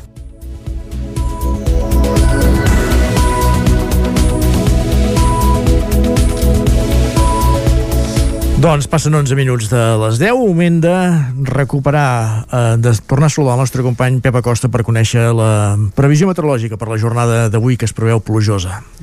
Doncs bé, haurem d'esperar un moment eh, per saludar en Pep Acosta perquè ara mateix tenim un problema de connexió i això farà que, que bé, que de moment no el puguem saludar eh? Uh, cal dir que encara no plou tot i que es va tapant ell ja ens ha alertat que, que avui acabaria plovent sobretot a la tarda i vespre i a més a més ens preveia o ens aventurava que hi hauria tempestes importants eh? per tant caldrà estar al cas Doncs res, fem una petita pausa, anem a l'entrevista i si un cas parlem més tard amb Pep Acosta. Sí, de seguida, de seguida podrem, jo crec que buf, en un minut el, potser el tenim, eh? Uh, més que un problema de connexió, és un problema que se'ns ha, se'ns ha, bé, s'han ventilat problemes tècnics, allò que passa a vegades, però en un minut ho resolem i de seguida jo crec que podrem saludar en Pep Acosta i ens acostarà uh, aquesta informació meteorològica que avui té un especial interès tenint en compte, sobretot, uh, bé, això, que s'esperen tempestes importants. Crec que ja el tenim a, a punt, eh? El saludem, Doncs sí? Exacte, doncs vinga, bon dia Pep, de nou. Hola, molt bon dia. Què tal esteu? Comença una nova setmana, la última sencera d'aquest mes de setembre d'aquest any 2021. Sembla que la tardor ara sí que ja està aquí. Mínimes aquests dies entre 5 i 10 graus a moltes, moltes poblacions i entre 10 i 15 a la majoria, però ja per sota de 10 graus a moltes zones. Al Pirineu per sota dels 5. I dissabte vam tenir una tala de tempestes. 60 litres a Sant Feliu Codines, el meu poble una altra vegada, tot i que jo vaig mesurar-ne més, eh, no um, el meu problema no és aquests tan tan oficials, jo em vaig mesurar més de 75, eh, també 31 litres a Sant Joan dels Abadeses, 29 a Núria, eh, unes tempestes bastant importants, bastant locals, i molt, molt beneficioses, molt beneficioses perdó, en alguna població. Ahir un dia molt més tranquil, però com deia, aquesta entrada d'aire més fred ja es nota a tots, a tots els llocs.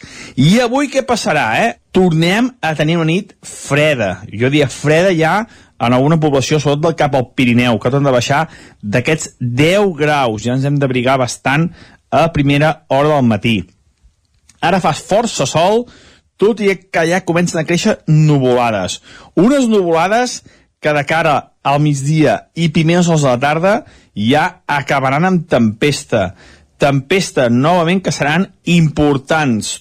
Totes les nostres comarques tenen un avís del Servei Meteorològic de Catalunya que es poden acumular més de 20 litres en mitja hora. déu nhi Uh, per tant, precaució aquesta tarda, avui és dia feiner, molta gent a la carretera, molta gent treballant, i poden haver tempestes molt importants aquesta tarda. Jo crec que moltes zones, sobretot del Pirineu, però de Montseny, superem els 30-40 litres. Uh, mm -hmm. Cuidado perquè hi ha aquesta entrada d'aire fred, hi ha aquest front que ens està passant i pot provocar aquesta activitat tempestuosa important.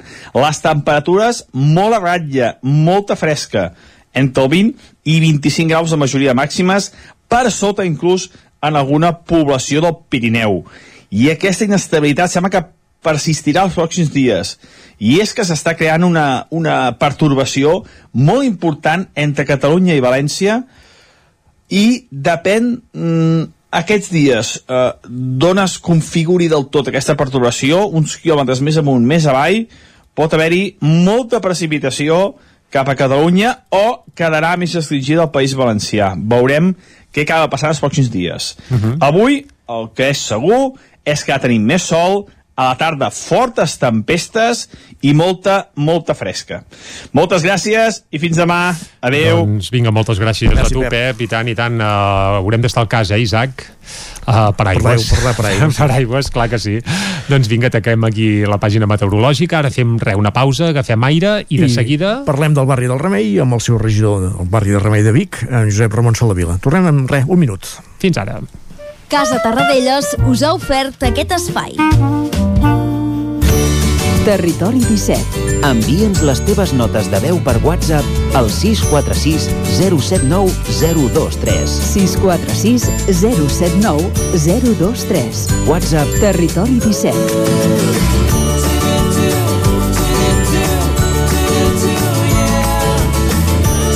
Territori 17. Som a Facebook, Twitter i Instagram amb l'usuari Territori 17.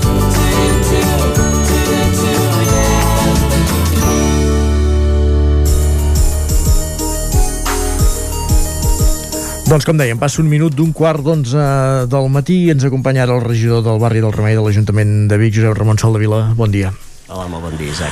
Ens acompanya en el motiu de l'aprovació al ple de dilluns passat d'aquest pla estratègic per aplicar al barri del Remei, una, un dels barris de, del sud de la ciutat, amb una densitat de població que dobla el de la resta de la ciutat, amb un 45% de persones empadronades d'origen estranger i amb gairebé una quarta part dels seus habitants per sota del llindar de, de la pobresa. Això ha fet que l'Ajuntament doncs, hagi pres la iniciativa en, en fer aquest pla estratègic després de que s'hi apliqués un pla de barris ara fa, ara fa 10 anys. Una mica, Josep Ramon, el motiu d'aquest pla i, qui, i què diu la, la diagnosi. Bé, el motiu d'aquest pla és perquè sí que es va fer un pla de barris que urbanísticament eh,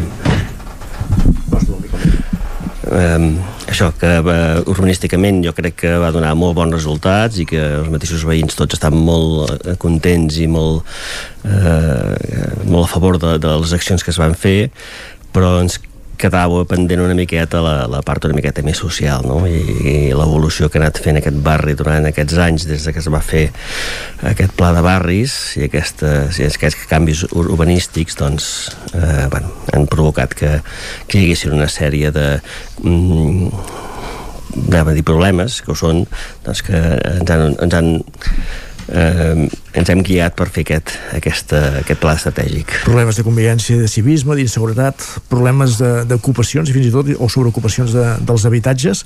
Això com, clar, ja sé que és molt, la pregunta és molt genèrica, eh? però com, com es resol, diguéssim, perquè clar, estem parlant de, de temes de, de resolució no menor, per entendre'ns. I tant, no són gens menors eh, i, i aquests problemes evidentment no són únics només del barri del Remei també són eh, no, no només de la ciutat sinó de, de moltes ciutats que, que, que tenen aquests o la majoria de ciutats una mica importants tenen aquest tipus de problemes no? eh, doncs jo crec que escoltant molt escoltant molt eh, els veïns sobretot eh, les entitats que estan als barris, a l'associació de veïns eh, que tenen una, un bagatge de, del barri que el coneixen perfectament i que veuen, van veient, van observant com, com, com va evolucionant el seu barri dia a dia i que per tant doncs és, és un és un s'ha de fer s'ha de- d'escoltar Accions concretes que determina aquest pla? En podem destacar algunes? Bueno, eh, me'n vas dret al gra, eh, veig. D'això es tracta, tenim poc temps i hem d'anar a aprofitar sí. per feina. Molt bé. No, el, les accions concretes, doncs, tenim els...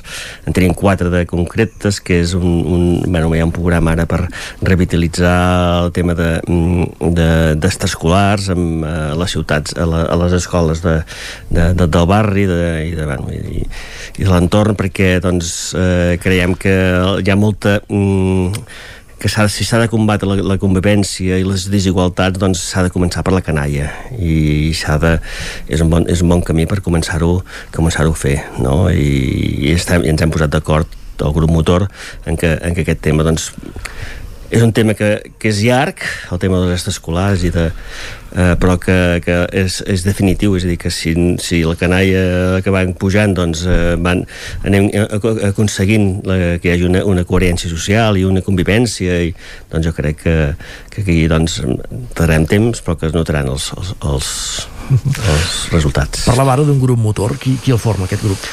Diferents entitats representatives del barri.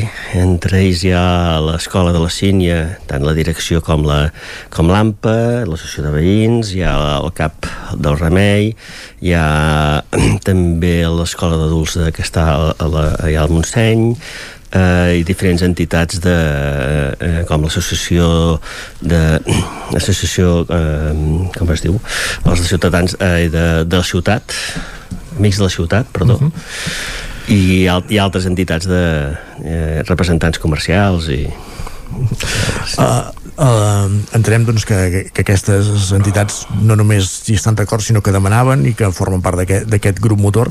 Ho dic perquè al ple va haver-hi crítiques per part dels grups de l'oposició que fins i tot n'hi ha qui van votar estenir que hi va votar en contra de, de la seva aprovació amb l'argument doncs, que, que, que no descobreix res de nou aquesta diagnosi que s'arriba tard. Vostè evidentment no comparteix aquesta crítica. No. Aviam, que, la, que, la, que el resultat que no porti res de nou tampoc és res negatiu. És a dir, també vol dir que, que la sensació que teníem el, el coneixement que teníem nosaltres d'aquest barri és que eh, ja estava ben encaminat. Llavors eh, eh, els resultats que són, són són els que són i el que és important són les accions que portarem a, partir, a terme a partir d'ara no, no, no el coneixement que teníem del barri que és evident que l'Ajuntament ha de conèixer bé el barri.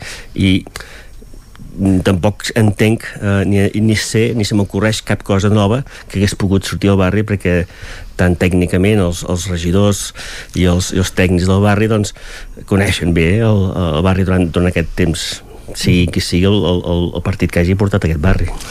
Abans ens explicava que una de les accions és eh, a través de, dels més petits, de, de crear aquest, aquest òrgan de, de, de participació, de fer feina a través de, de les escoles per arribar a les famílies i entenem que hi ha altres mètodes i altres mesures, diguéssim, a aplicar, no?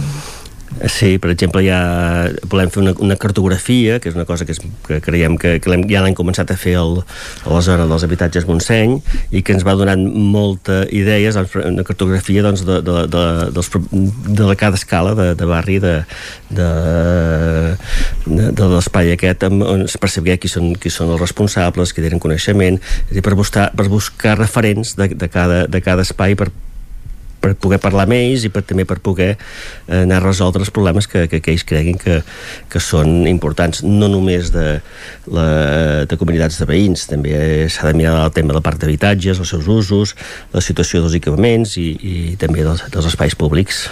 Hi ha dèficit d'equipaments al barri? o d'espais públics, potser més que Sí, és, és més despoder d'espais públics no pas d'equipaments d'equipaments en tenen jo crec que estan, eh, fins i tot ho han, el, la diagnosi va sortir que, que, la, que els veïns estaven contents amb els equipaments que tenien, no estaven satisfets.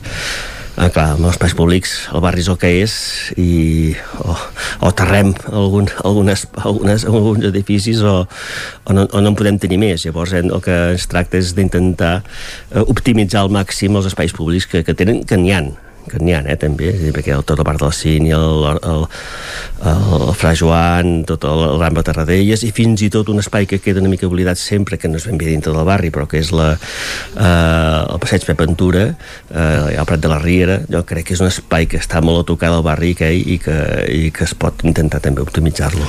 La qüestió és dinamitzar-lo, no? diguéssim, fer-hi accions diguéssim, que convidin a que, hi, ha, que hi hagi activitat en aquests espais. Sí, sobretot això, però abans d'això també hem de fer, ja, sí que acceptem que, que alguns d'aquests espais s'han d'anar deteriorant, com per exemple la part de l'Alta de la Sínia que, que ja, hem, ja hem començat a actuar-hi però, i també el, el, el de Fra Joan però primer, prèviament estem intentant optimitzar una miqueta l'espai i llavors sí, llavors dinamitzar evidentment eh, aquests espais. Uh -huh.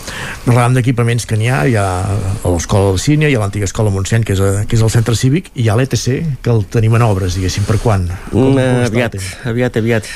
Estem a setembre, mitjans de setembre. Jo crec que mitjans de, de dintre d'un mes més o menys podrem començar a parlar de, de la inauguració d'aquest espai que serà un espai que tornarà, l'hem trobat molt a faltar al barri i que tornarà a donar una mica d'ànims i, i, i d'alegries al, a l'espai, al barri. Hem parlat durant l'entrevista anat sobre, planant per aquí sobre les accions per poder-les dur a terme fa falta pressupost la intenció és eh, el proper pressupost entenc que l'any 2022 ja incloure-les, no abans, eh? Sí, sí, sí, perquè no, bueno, ara, ara de, encara no s'ha, eh, tot just s'ha, aprovat el pla, tot, ara hem de crear un Consell de Barri, hem de crear un, una, un, un Consell transversal dintre l'Ajuntament i després anar, anar portant a terme aquestes eh, activitats que, que volem fer. Serà el moment ara, quan comencem a parlar del nou pressupost d'incloure una partida que és la que ens hem compromès que com a, com a equip de govern eh, que hi sigui, evidentment I amb, quina, amb quin horitzó de temps, diguéssim, preveieu, preveieu que, que es pugui revertir, que, que, que es vegi, que es vegi la, la feina feta, diguéssim, les accions doncs, aplicades. Durant aquest mandat, aquests, aquestes quatre accions han, haurien, haurien d'una manera o l'altra doncs, de, de conèixer, no? totes quatre i haurien d'estar-hi a dintre i s'hauria de començar a treballar-hi ja Perfecte. Uh, Josep Ramon Soldevila, moltíssimes gràcies per ser aquesta estona aquí amb nosaltres al Territori 17 per parlar d'aquest pla estratègic uh, del barri del Remei de, de Vic. Diguéssim, un, un barri doncs, que necessita aquesta intervenció i que s'està posant mans a l'obra, diguéssim, no? per, per, per dur-les a, a terme. Molt bé. Moltíssimes gràcies i gràcies a tu, Isaac. a parlar en qualsevol altre moment. Quan vulgueu. I ara el que farem a Territori 17, Isaac, és fer una petita pausa. Tornarem a dos quarts en punt, com sempre en piulades, i avui s'hi estrenarà el nostre company... Eh, Guillem Sánchez. Guillem Sánchez. Avui, ja estem, avui, avui és dia ja aquí. I com dèiem, després de la secció de les pilades anirem fins a La Palma, fins a les Illes Canàries per parlar amb una veïna usonenca de Sant Pere de Torelló concretament, que ha vist de primera ha vist en primera pell, diguéssim, l'erupció d'aquest volcà, diguéssim, que ens va tenir a tots a, mm -hmm. davant de la pantalla de les pantalles ahir a la tarda veient aquestes imatges. Sí, perquè les imatges cal dir que són molt i molt espectaculars. Doncs coneixerem de primera mà algú que és allí a tocar, que ho està veient amb els seus ulls, no pas per una pantalla, doncs quina és la situació ara mateix allà. Ara una pausa, tornem a dos quarts en punt. Fins ara.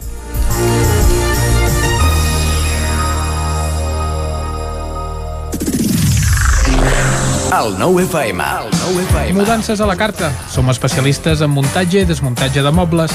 Oferim servei de guardamobles i fem mudances a tot el territori. Trasllats de pianos i peces delicades i també fem embalatge i protegim. Mudances a la carta. Serveis adaptats a cada client. Ens trobaràs al telèfon 605 04 34 75.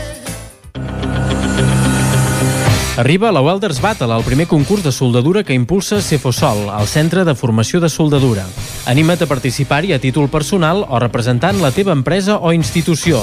Premis pels guanyadors, obsequis per als participants i moltes sorpreses més. Us esperem el 30 de setembre a Cefosol. Hi col·laboren empreses locals, nacionals i internacionals i l'Ajuntament de Gurb. Apunta't enviant un correu a info arroba. També pots venir de públic. Més informació al nostre canal de YouTube. Cefosol, carrer Sant Roc número 21 de Gurb. Cocodril Club. Si t'agrada la bona música dels anys 60, 70 i 80, escolta el 9 FM als matins de dissabtes i diumenges d'11 a 1. És el temps del Cocodril Club, tot un clàssic de la ràdio, amb les bases del pop-rock, les llegendes, les cançons que s'han convertit en autèntics himnes. Recorda, dissabtes i diumenges al matí, d'11 a 1, al 9 FM 92.8. Cocodril Club, el programa revival de l'Albert Malla. Hasta luego, cocodrilo. Anuncia't al 9FM. La màquina de casa. 9 3 8 8 9 4 9 4 9. Publicitat arroba al 9FM.cat. Anuncia't al 9FM. La publicitat més eficaç. Els idiomes són la teva assignatura pendent? Matricula't anglès o francès a l'EOI Osona, l'Escola Pública d'Idiomes a Vic. Per més informació, consulta la web eoiosona.cat i trobaràs l'oferta de cursos i horaris, així com les bonificacions i exempcions de matrícula. També ens pots trucar al 93 889 3830 a partir de l'1 de setembre. OBS, la marca de moda líder a Itàlia, arriba a Vic amb la col·lecció per nens fins a 15 anys. Vesteix els petits amb roba OBS, peces fabricades amb cotó orgànic pensades especialment per la pell dels infants. El cotó orgànic d'OBS està cultivat sense pesticides i amb un impacte reduït en el medi ambient. OBS, des d'Itàlia per tu, al carrer Argenters 20 de Vic. Rètols 2A. Experts en comunicació visual. Rètols, banderoles, vinils, impressió, plaques gravades, senyalització, displays... Rètols Dos Art. Ja són 25 anys al vostre servei. Ens trobareu a la carretera de Vic a Olot número 7, al polígon Malloles de Vic. dosartvic.com Telèfon 93 889 25 88.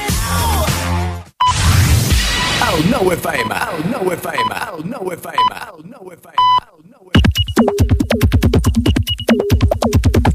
Dos quarts d'onze, moment de repassar què bulla Twitter, què diu Twitter ara mateix a l'entorn de, del territori 17 i ho fem a partir d'avui en companyia de Guillem Sánchez. Bon dia. Bon dia, Isaac, què tal? Com estem? Molt bé, que encantats d'estrenar-nos avui aquí. Perfecte. Doncs explica'ns una mica què, què has anat trobant per la xarxa Bé, de a fet, aquestes hores. de fet, com anàveu parlant ara també i com fareu a partir d'ara, aquesta actualitat ben marcada per aquesta erupció a l'illa de, la, de la Palma i com no podia ser d'una altra manera, els, els usuaris hi fan referència. Per exemple, l'usuari Pluja de Tardor adjunta un missatge on escriu a veure si algú li explica i aquest missatge porta adjuntat una fotografia alhora en què es veu una retransmissió en directe d'aquestes imatges de l'erupció i un usuari que, és que escriu allà espero que plogui i apagui el volcà. Potser no seria la solució No. aquesta, la de...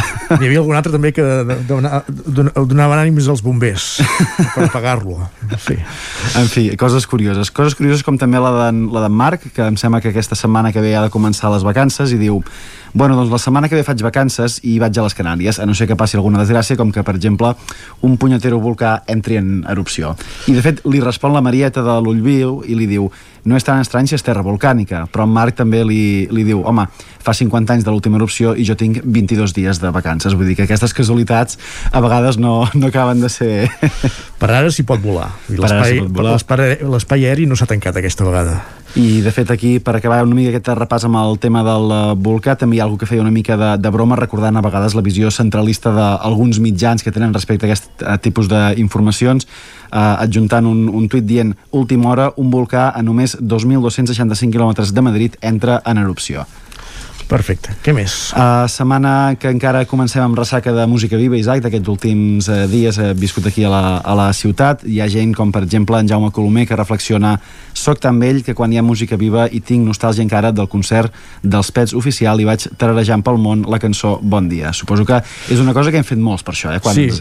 aixequem, també. Passa que, clar, quants concerts dels Pets És han que- fet amb música viva? Perquè Jo en recordo de- com a mínim 4 o 5. De quin se'n o- o- recorda o en més. Colomer? Perquè, clar, és això. Què més? Durant aquest mercat tothom també ha tingut el seu moment per trobar el seu concert, el seu moment per poder trobar el grup que més li agrada i, per exemple, la Montse diu eh, ahir moment per un... em vaig imaginar per un moment que sóc la nena de totes les flors, gràcies Roger Mas, quina passada de cançó, totes les flors són poques, per 25 anys més fent música i per 20 més arribant a final de mes. Per tant, s'han de compaginar les dues coses, gaudir de la música i poder arribar també Això ho va a explicar, finals de mes. ho va explicar ell, que feia 25 anys que feia música i 20 que en vivia. I val a dir, compartim el tuit de- d'aquesta usuària, eh, no només la cançó Totes les flors, sinó que el disc val molt la pena.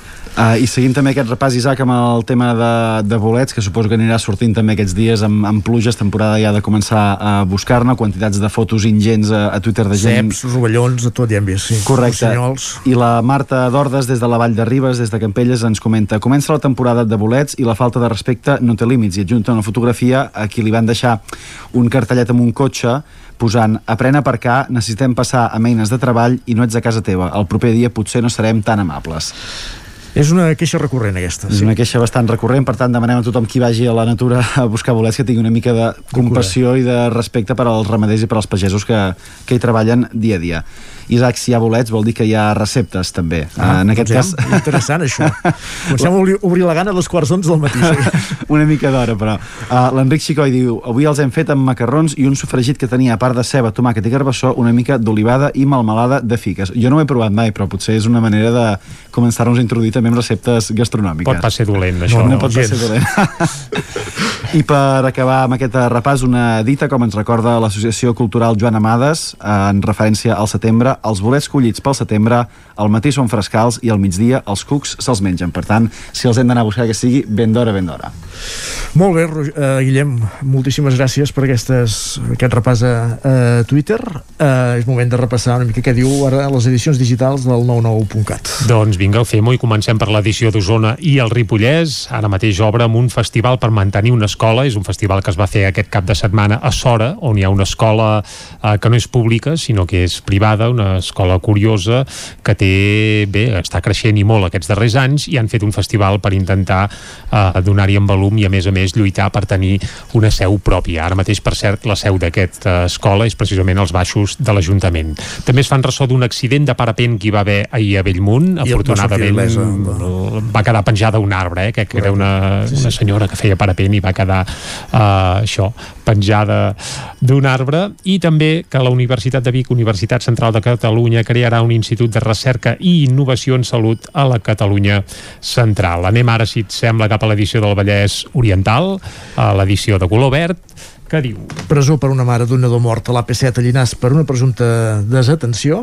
També l'entrevista Xavier Gironès, Maldives, Mèxic i Costa Rica han triomfat molt turísticament aquest estiu i també rescaten amb helicòpter una ciclista accidentada a Vallfornès. Ah, Se'ls hi va girar feina ahir, eh? Entre Correcte. parapent i Sí. excursionistes. I una eh, altra- sí, Molt bé, i anem ara, de seguida, anirem cap a les Canàries, eh, Isaac? Correcte. Doncs. Moltíssimes gràcies a tots dos. Continuem amb el territori 17 i ara això, com dèiem, saludem aquesta veïna de Sant Pere de Torelló.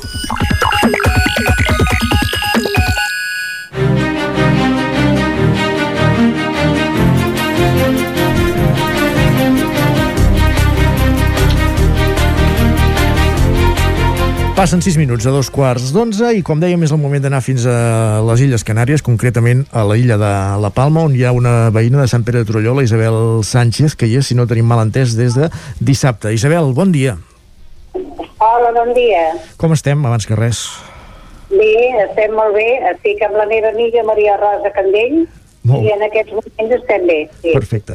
Vostè, això, si no tinc mal entès, van viatjar dissabte des d'aquí, des de Barcelona fins a, fins a La Palma i ahir estaven fent una excursió, tornaven de, de, per una ruta del Roque de los Muchachos i van veure de lluny doncs, la- l'erupció de, del volcà. Va anar així ben bé? Sí, sí. sí, sí, va anar així. La guia, durant el trajecte que anàvem baixant, ja ens tenien al corrent, Mhm. en tot el bus que anàvem, ens anava explicant que tothom ja estava evacuat, tant les persones com els animals domèstics i els altres. Per tant, és una, ja al cap de poc ja va esclatar el volcà. per tant, és una cosa que ja mínimament se l'esperaven, ja s'havien fet evacuacions de, de l'entorn de, del volcà, diguéssim, era una cosa més o menys esperada, no? Sí, també. Sí.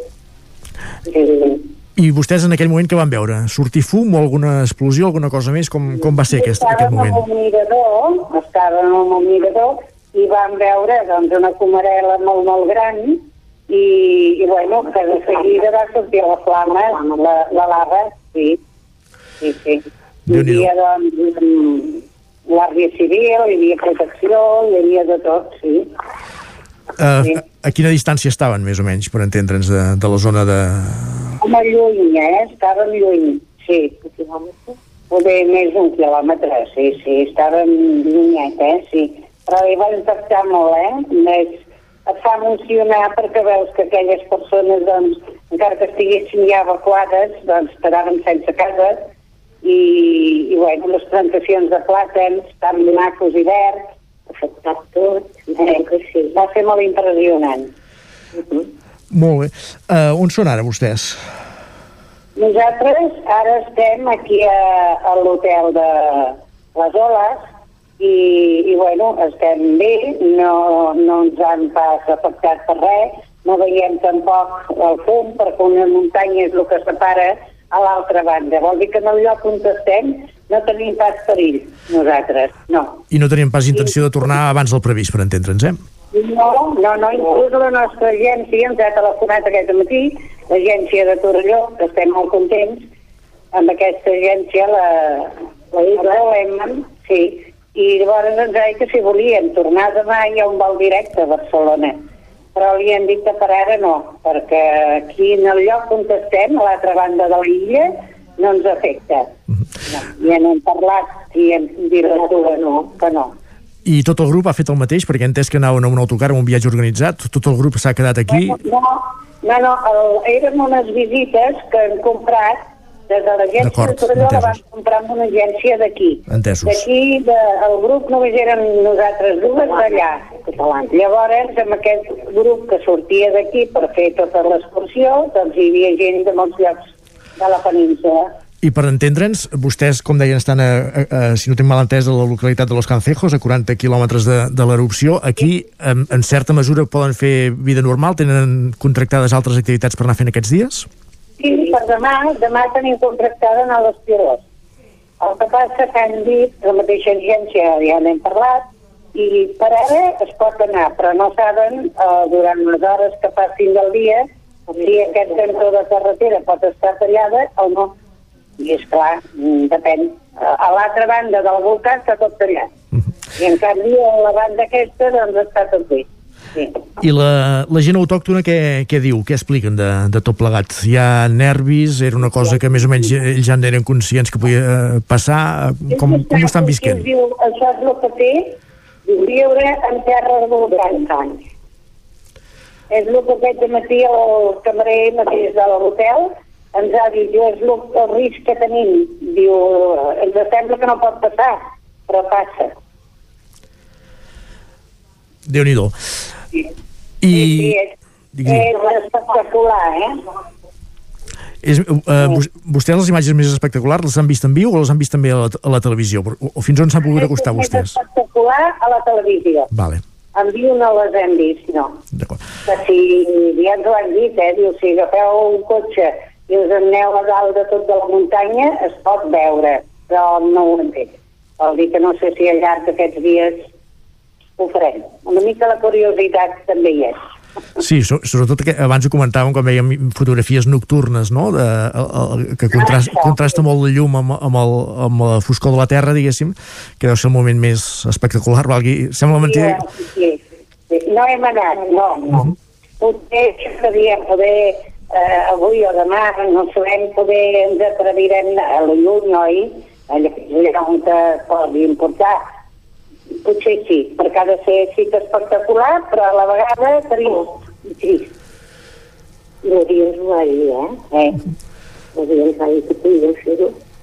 Doncs Isabel, moltíssimes gràcies per, per explicar-nos des de, en primera persona aquest testimoni des de l'illa de, de la Palma on ahir va haver aquesta erupció d'aquest volcà. Evidentment, eh, grossa, sí. té una part... Molt important. Ara ja dic que hem tingut en el servei de tot el personal d'aquí com la nostra agència, que ja ens ha telefonat aquest matí, això que diem que si volem tornar demà, hi ha un vol directe, però per ara no, perquè aquí no ens afecta. No. Molt bé, doncs interessant eh, el testimoni, com dèiem, eh, evidentment quan hi ha una notícia d'aquestes, el primer que hem de pensar és en les possibles víctimes, fins ara no n'hi ha hagut, sí que hi ha doncs, persones que, que, que Uh, sí, hi ha persones doncs, que poden perdre l'habitatge perquè estan molt a prop, diguéssim, però també hi ha aquesta altra vessant, diguéssim, que és l'impacte del fenomen natural que no estem acostumats a veure de tan a prop i que en aquest cas, doncs, en, aquesta, en aquests dos testimonis d'aquestes dues persones de la comarca doncs, que, que han viscut a, allà mateix. Doncs sí.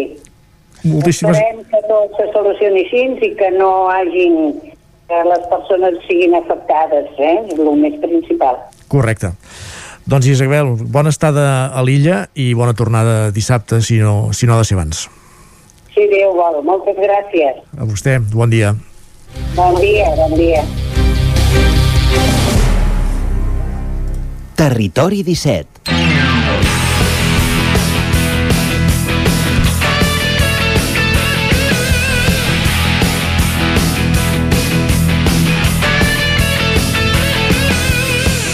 Doncs déu nhi el testimoni de la Isabel, que bé, ella evidentment no, no estava a primera línia, no s'ho mirava des de primera fila, però les imatges que hem vist per televisió tots, doncs la veritat és que fan esgarrifar i bé, ser allí mateix, a la mateixa illa, doncs la veritat és que els pèls de punta.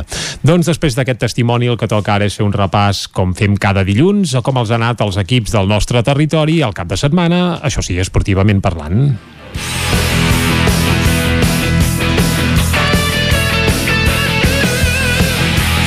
I aquest repàs, com sempre, començarem anant a Cardedeu. Allà hi tenim l'Òscar Muñoz. Òscar, molt bon dia. Bon dia. Com bon ha anat dia. això, esportivament parlant, eh, Òscar? Com ha anat aquest cap doncs de setmana? ja estem a punt d'acabar ja aquests partits amistosos que, doncs, que doncs sí que van bé per agafar sensacions per, de cada temporada, però que doncs, a vegades no surten tan bé com voldríem. Però comencem amb els partits aquí de Cardedeu, el, amb el futbol, que teníem partits de futbol 11 i de futbol sala, amb el primer equip que va superar a, a la Unió Esportiva Jornal aquest dissabte passat per 3 gols a 0. L'equip va desplegar doncs, un bon futbol i un gran ritme de joc que va fer doncs, que eh, no encaixessin tampoc cap gol en contra.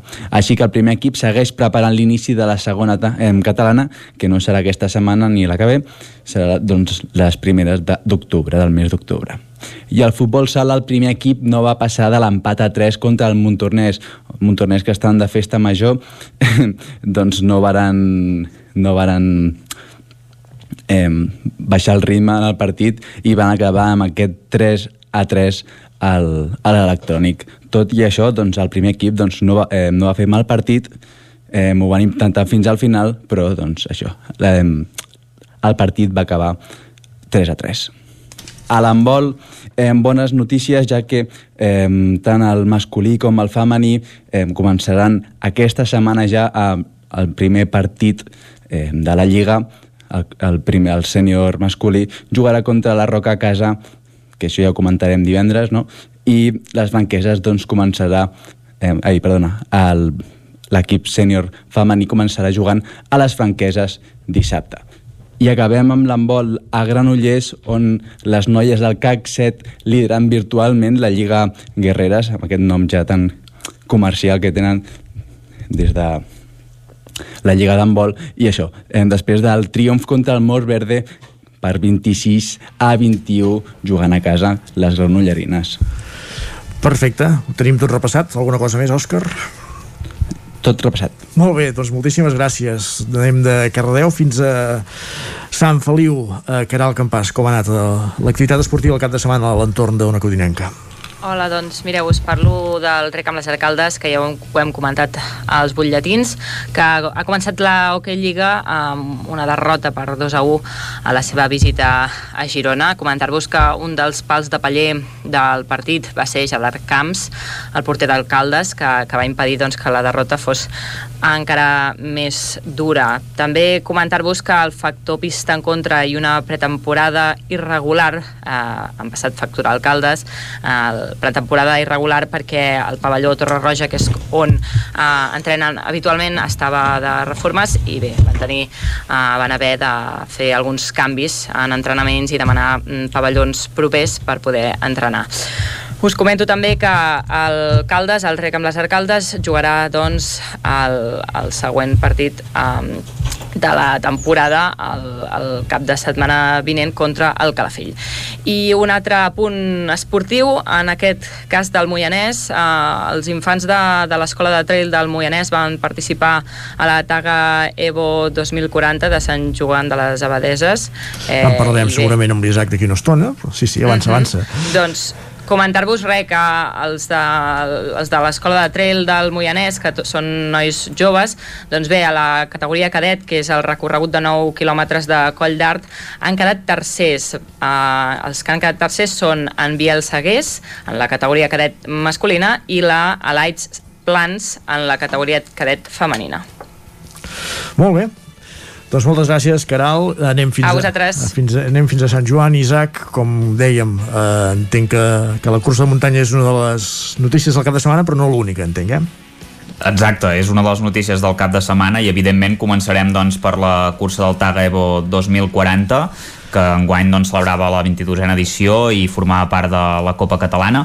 Hem de dir que, que tenia quatre proves i la més important era la de 28 quilòmetres, eh, amb el Taga com a punt més alt, i el vencedor va donar molta alegria als Sant Joanins perquè es va imposar un atleta local, que això no sempre és fàcil amb una cursa de tant nivell, i doncs en David Rovira va aconseguir guanyar la prova amb un temps de 2 hores 48 minuts i 22 segons, encara una mica eh, lluny del rècord que està al voltant de les 2 hores i 45 minuts amb aquest recorregut.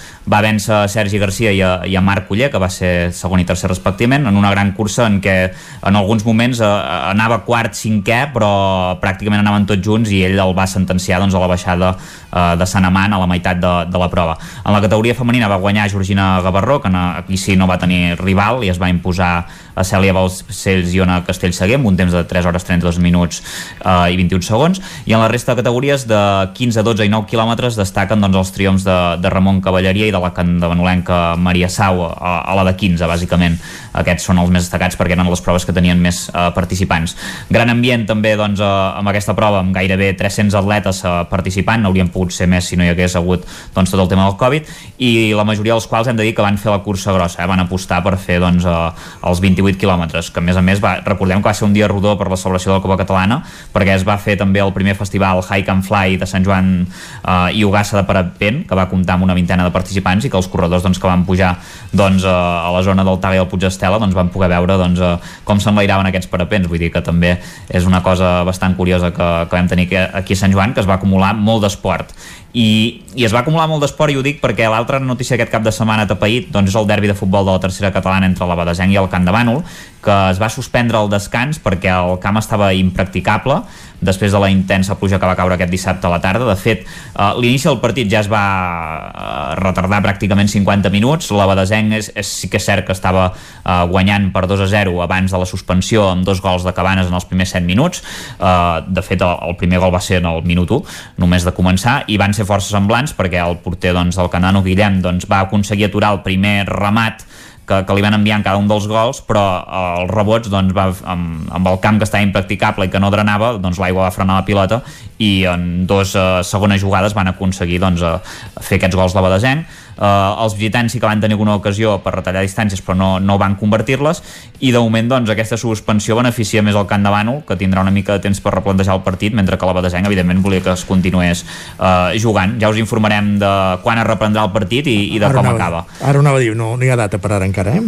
De moment encara no hi ha data però suposem que serà un uh, dia entre setmana normalment se sol jugar entre setmana el dimecres o, o el dijous uh, però, però ho, haurem de, ho haurem de veure ho anirem, ho anirem veient I, ara hi ha moltes dates sintetitzem dades, falten 45 minuts i el resultat era 2 a 2 a 0. 2 a 0. 2, 2 a 0 guanyava la Badesenc amb, amb aquests de dos gols en els primers 7 minuts. Molt bé. Uh, qui també no va tenir, qui no va tenir sort va ser el, la segona catalana del Camprodon, que va perdre per 2 a 3 a casa en un partit on, on va ser superior el joc i ocasions, eh, però va tenir pitjor rematada contra la Mer, en aquest cas. Eh, de fet, eh, en la primera part doncs, va tenir diverses ocasions, una pilota que va treure sota els pals un defensa, també un xut que va aturar el porter, i, i va ser, tot i així, el Camprodon qui es va avançar amb un golaç per l'escaire de Martínez, però abans del descans, gol psicològic d'Arnau per aprofitar un error defensiu per empatar, i a la segona part la Mer va capgirar el marcador, eh, el mateix Arnau va aprofitar un refús per fer l'1-2, Aissa del Camprodon va aconseguir empatar en una jugada col·lectiva i quan semblava que el partit acabaria amb, amb empat, que era injust pel Camprodon perquè havia fet mèrits, encara va ser més injust perquè Omar en un contraatac va sentenciar al minut uh, 87.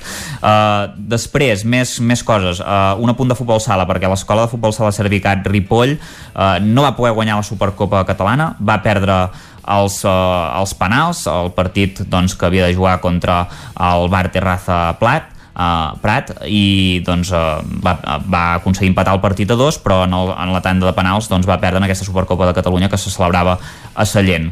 Després tenim dos punts finals, uh, dir-vos que es va celebrar el Rally de la Llana de Ripoll aquest cap de setmana a la capital de, del Ripollès amb el belga Thierry Neville uh, com a gran atracció, que ja sabeu que és, uh, ha estat diverses vegades subcampió del món, va fer parella amb Martin uh, Wittgaege.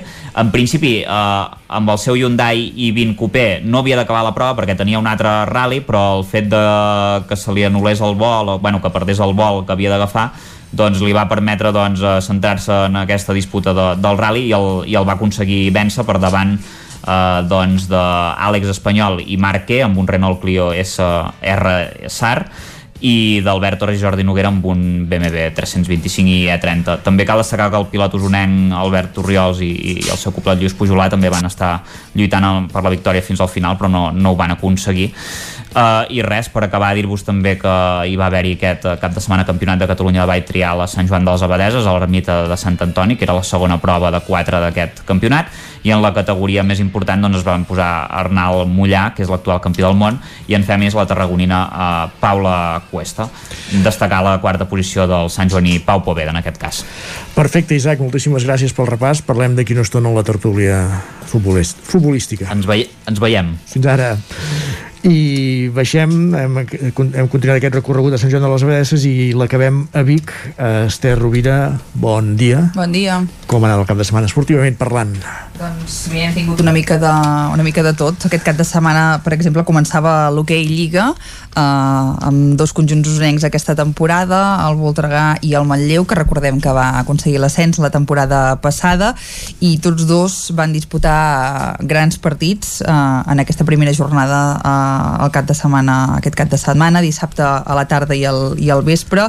Um, en el cas de, del Manlleu rebia un altre equip que com ells havia aconseguit l'ascens, com és l'Alcobendes.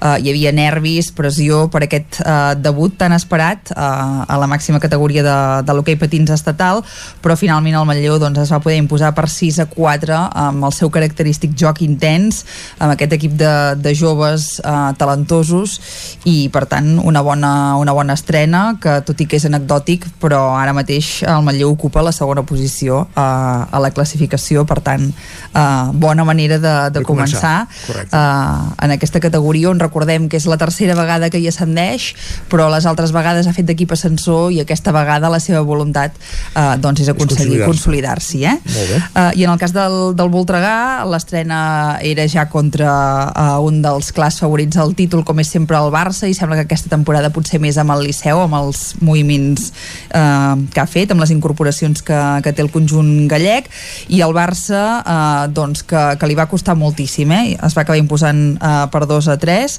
però com ja li passa moltes vegades a Sant Hipòlit li va, li va costar molt i aquesta vegada en part perquè davant es va trobar un gran Lino eh, que és el nou porter del, del Voltregà. Recordem que és, era una de les incògnites d'aquesta temporada saber què passaria a la porteria voltreganesa després de la marxa de Blai Roca. Doncs va ser una estrena eh, d'aquelles que tota l'afició va aplaudir, la de, la de l'Ino, perquè va fer moltes aturades d'intervenció, eh, intervencions de, de mèrit, i de fet fins al minut 40 el Barça no va poder empatar i fins als últims minuts acabar guanyant per 2 a 3, eh? vull dir que durant 40 minuts el Voltregà va anar per davant en el, en el marcador. De fet, és debutar amb una prova de foc, eh? Sí, sí, sí. sí. porter. la més complicada segurament de la temporada, o una de les que més, i, i ho va poder fer amb bona nota, per tant, eh, el dubte de, de com venir a la porteria, doncs sembla que, si més no, en aquesta posada en escena va quedar bastant eh, resolta. Eh, en el cas del, del futbol, tenim en marxa, recordem, de moment només la, la primera divisió nacional femenina, amb un Vic Riu primer que aquest cap de setmana va patir la primera derrota del, del curs, eh, van disputar un mal partit, les, les biguetanes així ho reconeixien i van acabar perdent per la mínima eh, ahir al matí a casa contra el Collerense per, per 0 a 1 eh, i ara mateix són, són sisenes a la, a la classificació amb, amb 4 punts en les 3 jornades que s'han disputat eh, fins ara. Dir també que aquest cap de setmana i encara com a pretemporada eh, per als equips de, de primera catalana eh, el Vic va estrenar el trofeu del centenari, recordem que l'any que ve celebraran els eh, 100 anys i eh, aquesta, aquest cap de setmana i el que ve han posat en marxa aquest trofeu del centenari en el primer cap de setmana en categoria masculina i en el segon en femenina amb la idea que es consolidi i que sigui un torneig de pretemporada doncs que cada any eh, es, vagi, es vagi fent i com a prèvia per anar escalfant els motors de cara al centenari i dir que en aquesta primera edició i en la categoria masculina el vencedor va ser l'Igualada que es va imposar a l'Atlètic Lleida per 1 a 3 mentre que el Vic, que era l'anfitrió va acabar en quarta posició. Eh, aquest cap de setmana també hi havia moltíssimes altres coses per exemple eh, en el marc dels actes del desè aniversari del femení Osona hi havia la, la Lliga Catalana Challenge aquí a, a Vic. Dir que el vencedor d'aquesta primera edició de, de la competició d'aquesta nova categoria que s'ha creat eh, l'ha guanyat el, el Barça eh, que es va imposar a l'advisoria Mataró-Maresme per un clar 71 a 59 i que la ciutat i els aficionats del bàsquet a la comarca van poder gaudir doncs, de partits de, de primer nivell eh, femení eh, en el pavelló Castell d'Emplanes que va ser l'espai on es va disputar aquesta, aquesta competició. I encara més coses eh, per exemple eh, ha estat un cap de setmana també de curses de, de muntanya. Eh, hi havia una de les curses grosses de, de la comarca com és la del Roc Gros dels hostalets de Balanyà i aquí els vencedors van ser Miquel Corbera i Marta Molist en el cas de la, de la cursa llarga. I en el cas de la, de la curta eh, Marc Tracerra va ser el vencedor en categoria masculina mentre que Lai Andreu va dominar la, la prova femenina, dos dels uh, corredors destacats de, de la comarca, juntament amb, amb Marta Molist, que va guanyar la, la categoria femenina, i també uh, doncs, hi havia la marxa Jofré amb 450 participants, uh, recordem que no és una prova competitiva, però sí que la duresa dels recorreguts doncs, fa que s'hagi de ser una mica especialitzat. Uh, i això, per tant, també molt bon ambient ciclista. Com dèiem, competició, però també eh, moltes altres proves aquest cap de setmana a la comarca. déu nhi un cap de setmana complet. Exacte. Moltíssimes gràcies, Esther. Que vagi bé. Que vagi bé.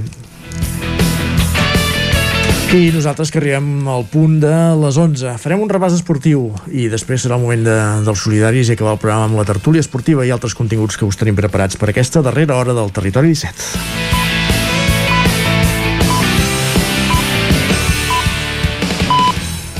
Són les 11. Territori 17, amb Isaac Moreno i Jordi Sunyer.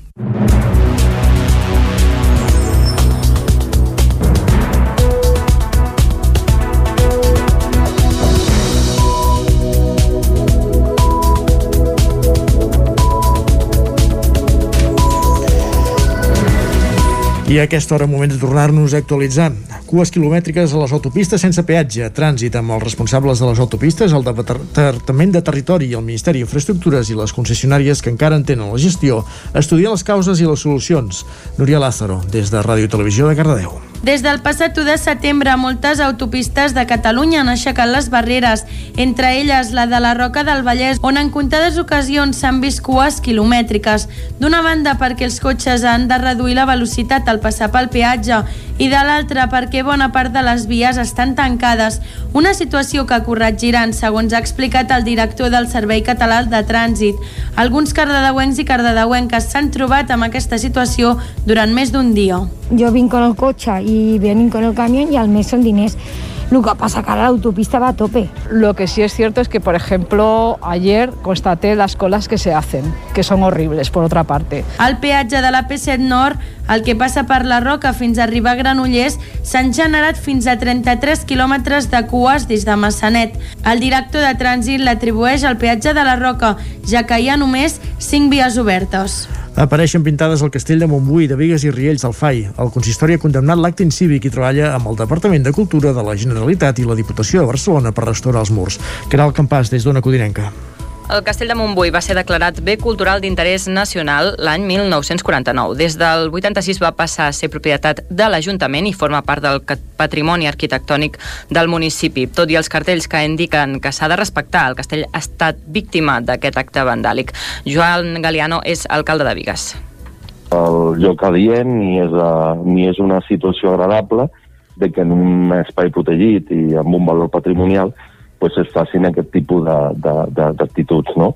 Mm -hmm. El que hem fet en Generalitat ha sigut posar-nos en contacte amb ells perquè al ser un monument o una, una part molt, molt, molt protegida, a l'hora de fer la neteja d'aquestes pintades, pues, que fem servir pues, aquelles actuacions aquelles mesures adients per no fer malbé precisament allò que volem preservar, no? Aquesta setmana es farà l'adequació de l'espai. Dijous al matí van aparèixer aquests grafitis a les parets del castell que havia sigut restaurat recentment. Un veí del municipi va publicar a les xarxes les imatges i ràpidament l'Ajuntament va condemnar enèrgicament els fets a través d'un comunicat. Sant Martí del Bars, el Lluçanès ha estrenat la nova depuradora. La instal·lació d'absorbir les aigües residuals de les 25 cases que formen el nucli de la Blava, on habitualment hi viuen una trentena de persones. Tot plegat ha tingut un cost de 240.000 euros. Jordi Sunyer. Després d'un llarg procés que va començar ara fa 9 anys, el nucli de la Blava de Sant Martí del Bars va inaugurar fa uns dies la nova depuradora. Un projecte llargament reivindicat que ha d'absorbir les aigües residuals de les 25 cases d'un nucli on habitualment hi viuen una trentena de persones, tot i que durant els mesos d'estiu poden arribar a ser una setantena. Ramon Pedrós és l'alcalde de Sant Martí del Bars. El poble de Sant Martí del Bars, que és un poble petit i un pressupost mm, bastant reduït, la depuradora suposa un important avanç en matèria ecològica perquè precisament el que anava abans a fosses sèptiques vulguis o no acabava anant al rec rec de la Blava posteriorment a la Gavarresa i posteriorment a Llobregat. Amb aquesta millora aconseguim doncs, que l'aigua surti neta ecològicament doncs, per nosaltres és un, és un 10 a part que així les cases de pagès de, del municipi de la Blava nucli no han de buidar les fosses sèptiques, que també és un cost pels veïns, Salvador Graus, que ha portat la direcció de l'obra, explicava que la nova depuradora treballa amb un sistema de depuració biològic capaç de tractar 12 metres cúbics d'aigua residual urbana cada dia. Aquest sistema biològic és un sistema que en diuen de biodisc. El biodisc està format per un gran disc amb discos concèntrics on hi creixen els microorganismes els microorganismes s'adhereixen amb, aquests, amb aquests discos concèntrics i és un sistema aerobi, de manera que el microorganisme quan està fora de l'aigua respira i quan entra dintre de l'aigua entra en contacte amb la matèria orgànica amb el nitrogen, amb el fòsfor i degrada la matèria orgànica. La nova depuradora ha costat 240.000 euros. L'objectiu, a mitjà termini, és poder-ne construir una altra per tal de sanejar els altres dos nuclis que hi ha a Sant Martí del Bars, el de Sant Martí i el de Veu l'Aigua. L'encariment generalitzat de les matèries primeres com la fusta, el coure, l'alumini o el petroli està posant contra les cordes la majoria de sectors industrials, especialment el tecnològic i el de la construcció. Empreses com Montrònic de Vic n'estan patint molt directament les conseqüències. L'augment del preu de les matèries primeres, com els xips per dissenyar i fabricar les plaques electròniques que fa servir l'empresa Montrònic de Vic, és una de les conseqüències de la descompensació entre l'oferta i la demanda dins el sector provocada sobretot arran de la pandèmia.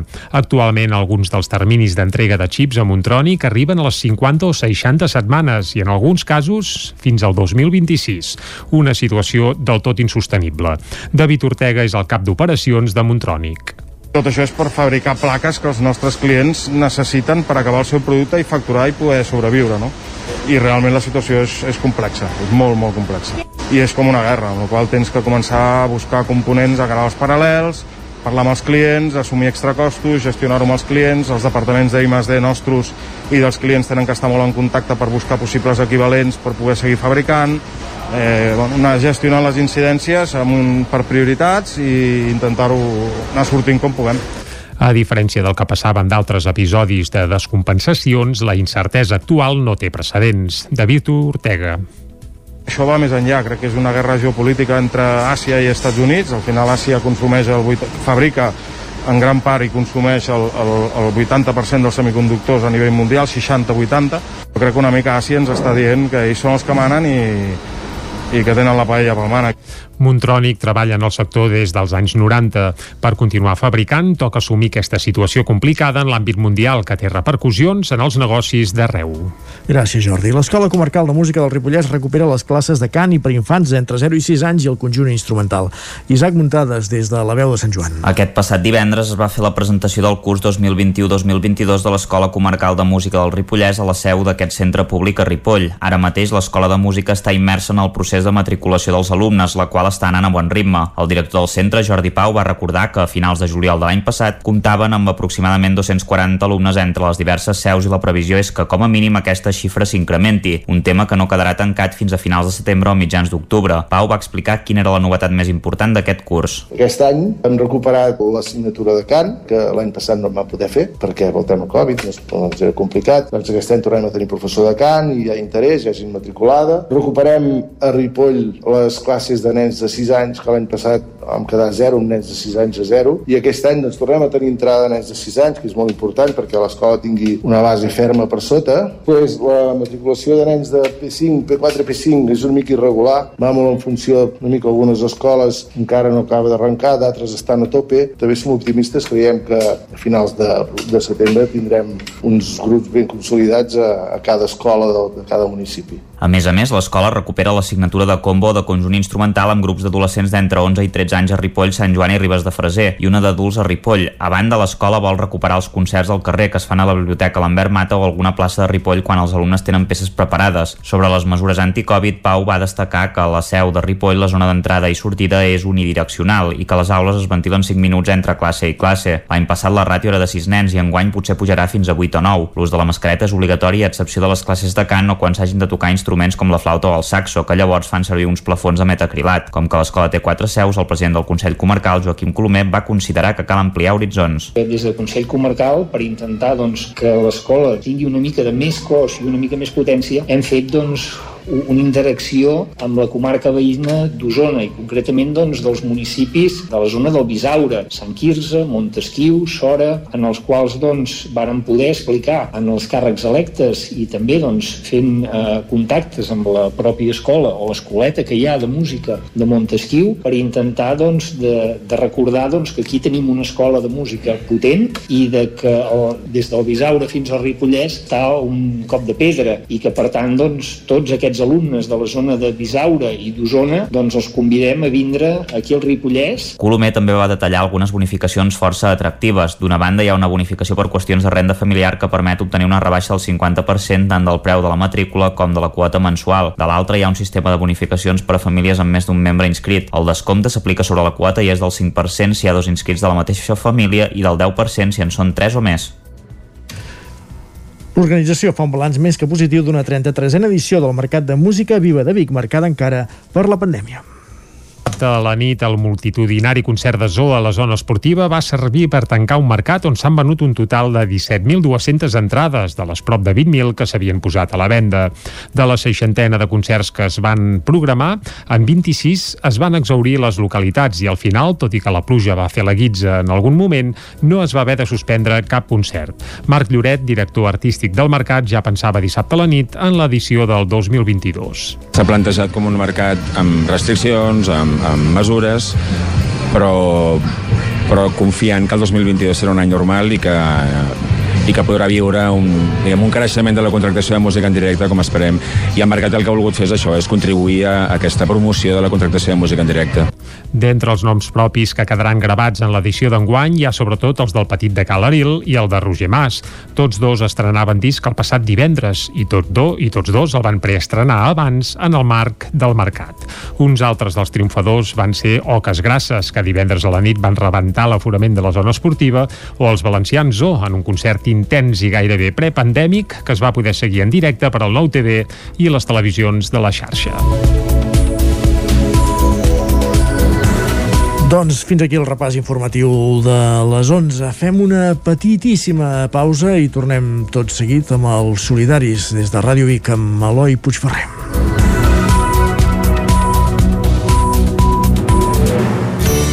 Territori 17. Envia'ns les teves notes de veu per WhatsApp al 646 079 023. 646 079 023. WhatsApp Territori 17.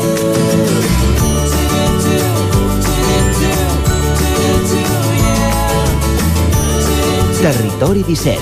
Som a Facebook, Twitter i Instagram amb l'usuari Territori 17.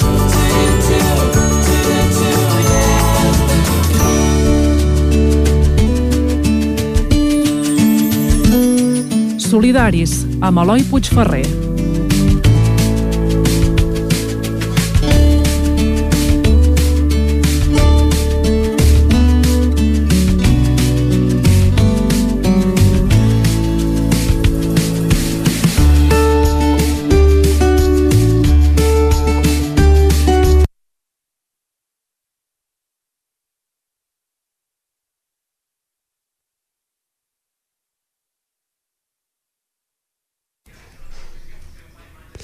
Doncs ara mateix, les 11 i 12 minuts del matí, seguim en directe aquí a Territori 17. Estàvem al punt d'escoltar els solidaris amb l'Eloi Puigferrer, que cada dilluns ens acosta alguna entitat del tercer sector, ja sigui d'Osona, del Ripollès o de la resta del Territori 17. De seguida el- l'acostarem, el recuperarem de nou, aquests solidaris, que avui està dedicat a la Fundació Trueta, una fundació que lidera Carles Furriols, Tati Furriols, eh, un bon eh, conegut, sobretot a la comarca d'Osona, que per cert l'any passat va ser l'homenatjat a la marxa dels bigatans i també l'any passat va rebre eh, la Creu de Sant Jordi, per tant podem dir que el passat any sí que va ser l'any Furriols i coneixerem la tasca que desenvolupa aquesta fundació de la mà dels solidaris amb l'Eloi Puigferrer, que ja ho sabeu, cada dilluns ens acompanya aquí a Territori 17. Per tant, us deixem ara amb els solidaris amb l'Eloi Puigferrer. Quan parlem de noms reconeguts dins del panorama solidari a la comarca d'Osona, hi ha dos noms que, bé relacionats o per separat, tenen entitat pròpia per la constant labor que han realitzat durant molts anys ajudant a tothom. Aquests són els noms de la Fundació Trueta i el del seu fundador, Carles Furriols. I és que tant l'entitat com el mateix Furriols han rebut una infinitat de reconeixements per tota la feina que han fet durant tots aquests anys, perquè sempre han estat al costat de qui més els necessitava. Amb els anys, els canvis de rumb han estat una constant en el si d'aquesta entitat solidària, però sempre han aconseguit tirar endavant i assolir els objectius que sempre han guiat la Fundació Trueta, ajudar a qui més ho necessita. I és que la columna vertebral de tot aquest projecte no és altra que la solidaritat. Per aquest motiu, avui, des de Ràdio Vic i a través de l'antena del Territori 17, coneixerem a fons la Fundació Trueta de la mà de la seva directora, la Núria Comarriu, qui ens explica els orígens de tota la Fundació. La Fundació Trueta neix l'any 1993 eh, amb un, objectiu, amb un objectiu prioritari, que és el de donar resposta a la manca de, de recursos en l'àmbit de la salut als països en vies de desenvolupament. En aquella època, en Carles Furriols, que és el fundador de, de l'entitat, eh, feia de metge de capçalera i es va adonar que a les cases eh, hi havia gran quantitat de, de medicaments de medicaments que la gent guardava i que al final acabava llançant a la, a la paperera, no? al rebuig. D'aquests medicaments hi havia que eren caducats i n'hi havia que eren, que eren no, no caducats. Um, aleshores, com que ell també havia fet de, de voluntari a Metges Sense Frontera a diferents països, uh, va dir, ostres, doncs per què no aprofitem el rebuig que tenim, diguem, a, a casa nostra per poder ajudar a la gent de, del tercer món. I a partir d'aquí doncs, va idear, i de fet vam ser pioners uh, en tot el territori català, en la recollida de medicaments a través d'uns contenidors que es van, que es van, que es van col·locar en els centres d'atenció primària d'Osona primer i res, al cap d'uns mesos ja els teníem col·locats a tot, a tot Catalunya i a partir d'aquí va començar tota la tasca de la Fundació Trueta. El primer gran objectiu de Trueta va ser la recollida i el reaprofitament de tots aquests medicaments. Però pocs anys més tard, aquesta porta es va tancar a causa d'una nova normativa europea. Però això, ni molt menys, va frenar la fundació, que es va haver de reinventar. sí que hem sofert un, un gran canvi, no? i és que a partir de l'any 2000 surt una normativa de la OMS en la que es prohibeix reutilitzar els medicaments procedents de l'usuari, que bàsicament és el que ens dedicàvem nosaltres, no? tots els medicaments recollits procedien de l'usuari. Uh, llavors, uh, això en, en, ens obliga a deixar de poder enviar els medicaments recollits al tercer món. Uh, per tant, a partir d'aquí, doncs, sí, re, uh, continuem amb una tasca de gestió de residus i d'evitar que aquests medicaments vagin a parar al rebuig domèstic, eh, però en canvi no els podem aprofitar per enviar al tercer món. Eh, llavors, a partir d'aquí és quan la nostra tasca eh, prioritària, més que ser la de l'ajut humanitari als països en desenvolupament, és la de l'ajut social a Catalunya en quan donem feina a persones amb, amb problemes de salut mental. Actualment diem que som sobretot una entitat social, no? en quan el que volem és reivindicar la, la necessitat de que totes les persones han de tenir una oportunitat i una inclusió social i laboral i la millor manera de que les persones se sentin incloses dins la societat és treballant. Uh, llavors nosaltres uh, sempre vam tenir molt clar que les persones amb problemes de salut mental potser eren les que menys oportunitats tenien, sobretot en aquella època, ara ja tot és molt més, molt més fàcil la societat està molt més oberta, i per tant doncs, per això vam decidir que no podíem tancar, no? sinó que havíem de continuar, de continuar sobretot lluitant per donar veu, per donar veu a aquestes persones que d'alguna manera estaven silenciades. Com menciona riu, Trueta no va perdre l'esperit de recollir i reciclar els medicaments que ja no es feien servir, sinó que només va canviar el resultat final. Aquest canvi, però, els va obrir un món ple de possibilitats que encara exploten actualment. El reciclatge de tot tipus de residus. Avui en dia som un centre especial de treball i ens dediquem a la gestió de residus, sobretot, com et comentava, de medicaments, eh, vale, que ara ja no anem a recollir en els, en els ambulatoris perquè els nostres contenidors van desaparèixer, sinó que els recollim a les federacions farmacèutiques de Catalunya i que provenen dels contenidors que hi ha a les farmàcies. Llavors aquesta és la principal tasca i la que dona més volum, més volum de feina. De fet, mensualment gestionem unes entre 8 i 10 tones de medicaments.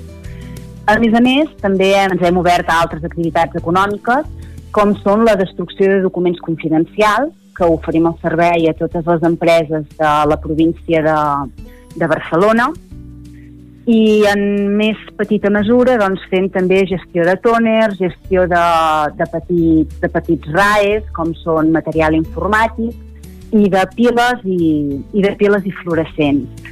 I llavors, des de l'any passat, eh, que vam començar un nou projecte que és el de, el de reciclatge de roba. Aquest darrer vessant que comenta la directora no només se centra en la recollida, sinó que, més, ofereix més llocs de treball i noves possibilitats a la Fundació Trueta fruit bueno, d'això de la recollida de medicaments, que la gent ens va començar a conèixer, ens vam trobar que venien moltes persones i ens donaven la, la roba, no? la roba que ja no utilitzaven ens la venien a portar. Eh, llavors, a partir d'aquí, veient la quantitat de roba que la gent ens portava, eh, vam obrir eh, dues botigues de segona mà, una a Vic i una a Manlleu. Eh, el que passa que, eh, amb què ens trobàvem, no? amb, amb què ens hem anat trobant? Que la roba sí que n'hi ha molta que pot tenir un segon ús i per tant es pot posar a la venda, però n'hi ha d'altra que no. Llavors aquesta roba es llançava a rebuig. Um, des de fa uns anys la Unió Europea uh, va treure un decret en què a partir del 2025 serà obligat que la roba sigui una fracció més a reciclar. No? O sigui, tal i com ara ens trobem els contenidors de rebuig, d'orgànics, de, de paper cartró i de vidre, doncs també hi haurà d'haver una fracció que serà la de roba. A partir d'aquí vam dir, ostres, doncs, atalentem-nos i mirem a veure si podem treure'n alguna, alguna cosa. I se'ns va acudir el tema del, del reciclatge tèxtil, que en diem nosaltres, que és la transformació d'aquestes peces de roba en altres, en altres peces.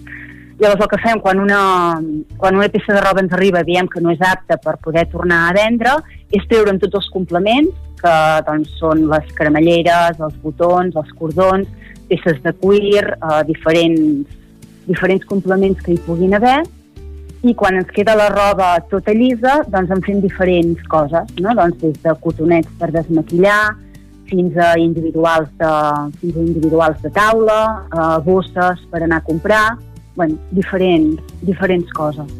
Aquesta línia empresarial permet a Trueta tenir un vessant més productiu, que alhora ocupa més persones dins de la Fundació. Actualment, aquesta ronda la cinquantena de persones entre voluntaris i treballadors. Actualment amb contracte de treball de la Fundació Trueta som 20 persones, però a més a més eh, ja en tenim molts voluntaris, ja de manera externa o interna, que en total doncs, sumem una cinquantena de persones que estem dins la, dins la Fundació Trueta. Generalment solem ser, ens movem dintre d'això d'una una cinquantena de persones, el que passa que sí que canvien les persones, no en quant als contractes de treball, potser que sí que estan més estancats, ja fa molts anys que són bastant les mateixes persones, però sí que els voluntaris van variant. Val? perquè un altre aspecte que té la Fundació i que segurament no he comentat és que tenim el que nosaltres anomenem el servei de voluntariat terapèutic Um, aquest és un servei adreçat a les persones que acaben de, de sortir de la malaltia, val? o sigui que ja tenen una... Uh, són persones que saben bé, van caure malaltes, i ja tenen la, la pauta de medicament i per tant ja poden estar més estabilitzades. Llavors aquestes persones el que han de fer és tornar a aprendre i agafar hàbits diaris, no? com són doncs, la puntualitat, el llevar-se al matí, l'anar a treballar, el tenir una responsabilitat i això ho poden venir a fer a la Fundació Trueta. Llavors aquestes persones que generalment són voluntàries són les que van variant al llarg del temps. Aquestes rutines i sobretot el fet de treballar és tot un tractament per la ment de les persones que formen la Fundació Trueta. I és que en pràcticament tots els casos, el fet de sentir-se part d'una empresa és infinitament més important que no pas el sou que els reporta. Hi ha moltes persones que tenen un tipus de, tenen un tipus de pensió que no els permet poder treballar remuneradament. Llavors també venen aquí com a voluntàries perquè és que hem de pensar que, que poder-se sentir útil a la societat passa per anar a treballar pràcticament. Les persones no treballem només per rebre un sou a final de mes, sinó que ens dona moltes altres moltes altres aspectes positius, com, com és sentir-nos part de la societat, fer amistat, són coses que aquesta gent, si es queden a casa, no les tenen. Llavors, poder sortir i venir a la trueta o fer qualsevol altra activitat voluntària els hi va molt bé. Nosaltres sempre convidem a la gent a venir a la Fundació Trueta perquè eh, s'adonen de, de, de com és important no? tenir aquest tipus de, aquest tipus d'activitats. Quan tu parles amb qualsevol de les persones que està aquí a la Trueta, el primer que et diuen és que se senten útils i que estan molt contents perquè abans estaven tancats a casa i que en canvi ara poden sortir, coneixen gent i fins, fins i tot inclús han fet amistats on han sortit parelles. Llavors ells això és el que més valoren. Poques vegades et parlaran primer de l'àmbit monetari, sinó que sempre et parlen de l'àmbit social i llavors al final, evidentment, et diuen i clar, tenir diners a final de mes també va molt bé, no? Però és una cosa de més a més, et diria. Ells valoren molt més el fet de, d'això, no? de poder sortir, de conèixer gent i de tenir relacions amb altres persones. Amb tots els canvis que ha viscut la Fundació Trueta, però mai ha acabat de perdre aquell esperit d'ajudar persones fora de les nostres fronteres i encara forma part de diversos projectes humanitaris a l'Àfrica i a Sud-amèrica. La directora els explica. Tenim dos projectes, una a la República Democràtica del Congo i un altre al Perú, continuen sent tots dins l'àmbit sanitari, però ara en comptes d'enviar medicaments, que està prohibit, el que fem són projectes més de formació, no? de, sobretot, sobretot de formació sanitària, però no pel personal de, dels hospitals, dels centres de salut, sinó pels, pels pacients que tinga, són, són projectes destinats doncs, a saber què cal, què cal fer per no agafar doncs, mals de panxes, o saber com s'han de cuinar bé els, els aliments per poder tenir més, més proteïnes, o saber quins són els riscos que poden tenir les dones quan, quan estan embarassades. No? Hem de pensar que en, aquest, en aquests països eh, encara hi ha un tant per cent molt elevat de, de dones que no van al, als centres sanitaris quan estan embarassades o que inclús a l'hora del part els tenen a casa. Llavors el que s'està fent és intentar, intentar conscienciar que és molt important tant per la pròpia salut de la mare com del, com del fill que hi hagin unes revisions i que es vagi als centres sanitaris. Llavors s'està fent una feina de, de formació en aquest aspecte. Però la pandèmia ha posat fre a tot, tant a casa com fora de les fronteres. Malgrat que la Fundació Trueta va poder tornar a obrir les portes poc després del confinament, el Comarriu li preocupen les seqüeles que poden quedar, sobretot entre els usuaris i els voluntaris. Són un col·lectiu que, que, clar, és que l'aïllament és, és tornar enrere per ells. Si hi ha la gent que ens definim com a normals hem tingut molts problemes per poder acceptar tota aquesta situació, doncs imagina't quan ja es venen de problemes anteriors. Uh, llavors, bueno, doncs per això sempre hem intentat mantenir, mantenir un contacte i de seguida que hem pogut doncs hem intentat obrir, obrir la trueta a, a totes les persones.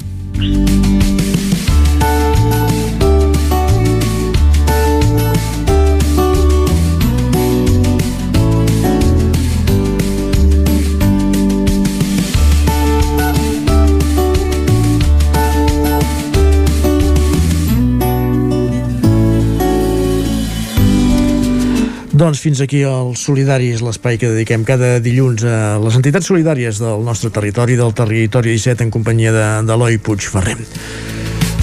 3 minuts i mig i seran dos quarts de 12 del migdia. Moment de fer una petita pausa i tornarem a la recta final del territori 17 amb la Trenc d'Alba i la tertúlia futbolística.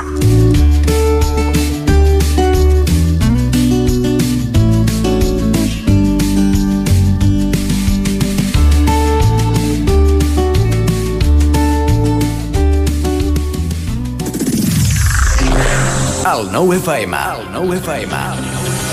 Arriba la Welders Battle, el primer concurs de soldadura que impulsa Cefosol, el Centre de Formació de Soldadura. Anima't a participar-hi a títol personal o representant la teva empresa o institució. Premis pels guanyadors, obsequis per als participants i moltes sorpreses més. Us esperem el 30 de setembre a Cefosol i col·laboren empreses locals, nacionals i internacionals i l'Ajuntament de Gurb. Apunta't enviant un correu a info arroba. També pots venir de públic. Més informació al nostre canal de YouTube. Cefosol, carrer Sant Roc número 21 de Gur. Cocodril Club.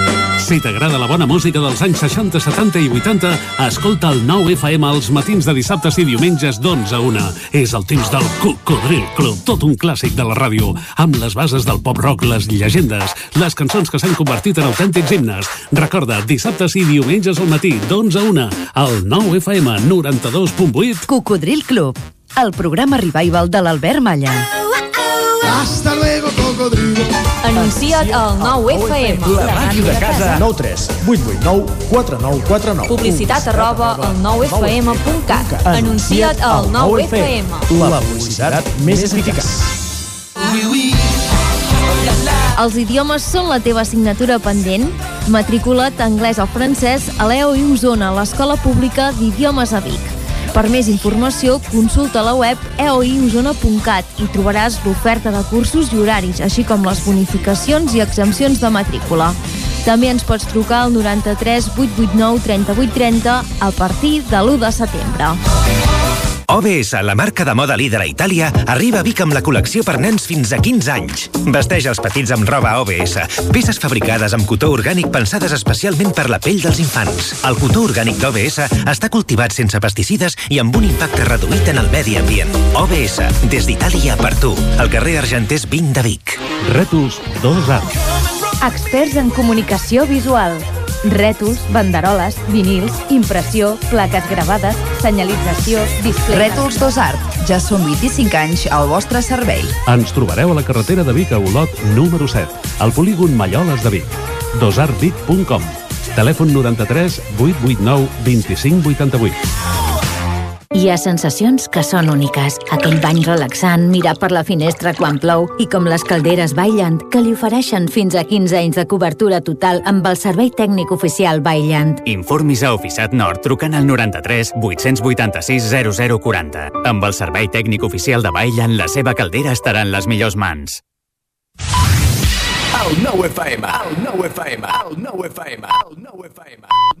9 FM. A Tren d'Alba. Cada dia els usuaris de la línia R3 de Rodalies que veuen sortir el sol des d'un vagó ens expliquen les gràcies i les penes del primer comboi que uneix Ripoll i Barcelona.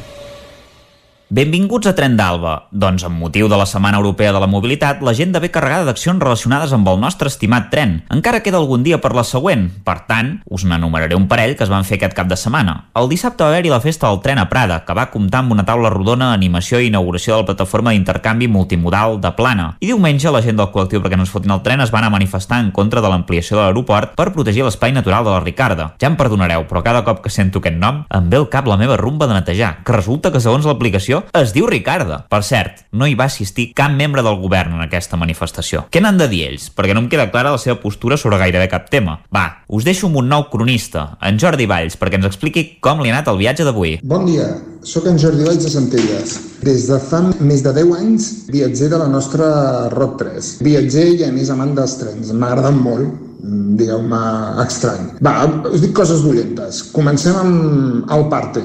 13 minuts de retard en el primer de Vic. Hem arribat força puntuals i a poc a poc hem anat acumulant, acumulant temps i just dos minuts per poder demanar la nostra devolució express. No hi ha manera.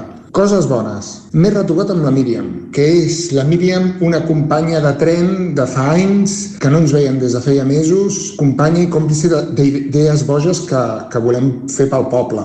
Coses divertides, perquè si no això, s'ha de ser, això ha de ser divertit. Després hem derivat la conversa sobre el tema del teletreball, amb la sensació de que moltes empreses o organitzacions el fet de fer tornar a la gent no deixa de ser un problema d'organització.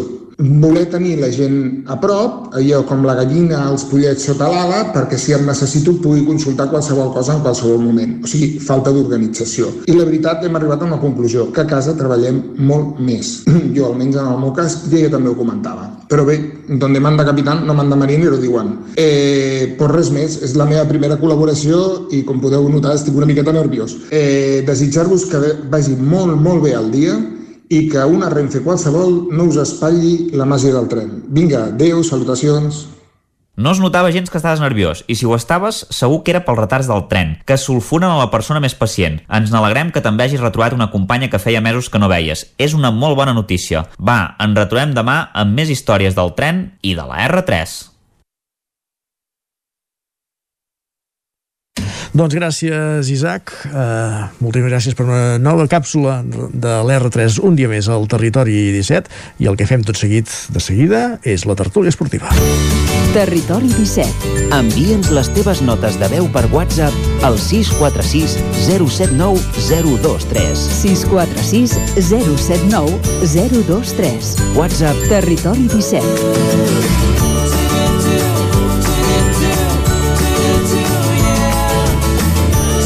Territori 17. Som a Facebook, Twitter i Instagram amb l'usuari Territori 17.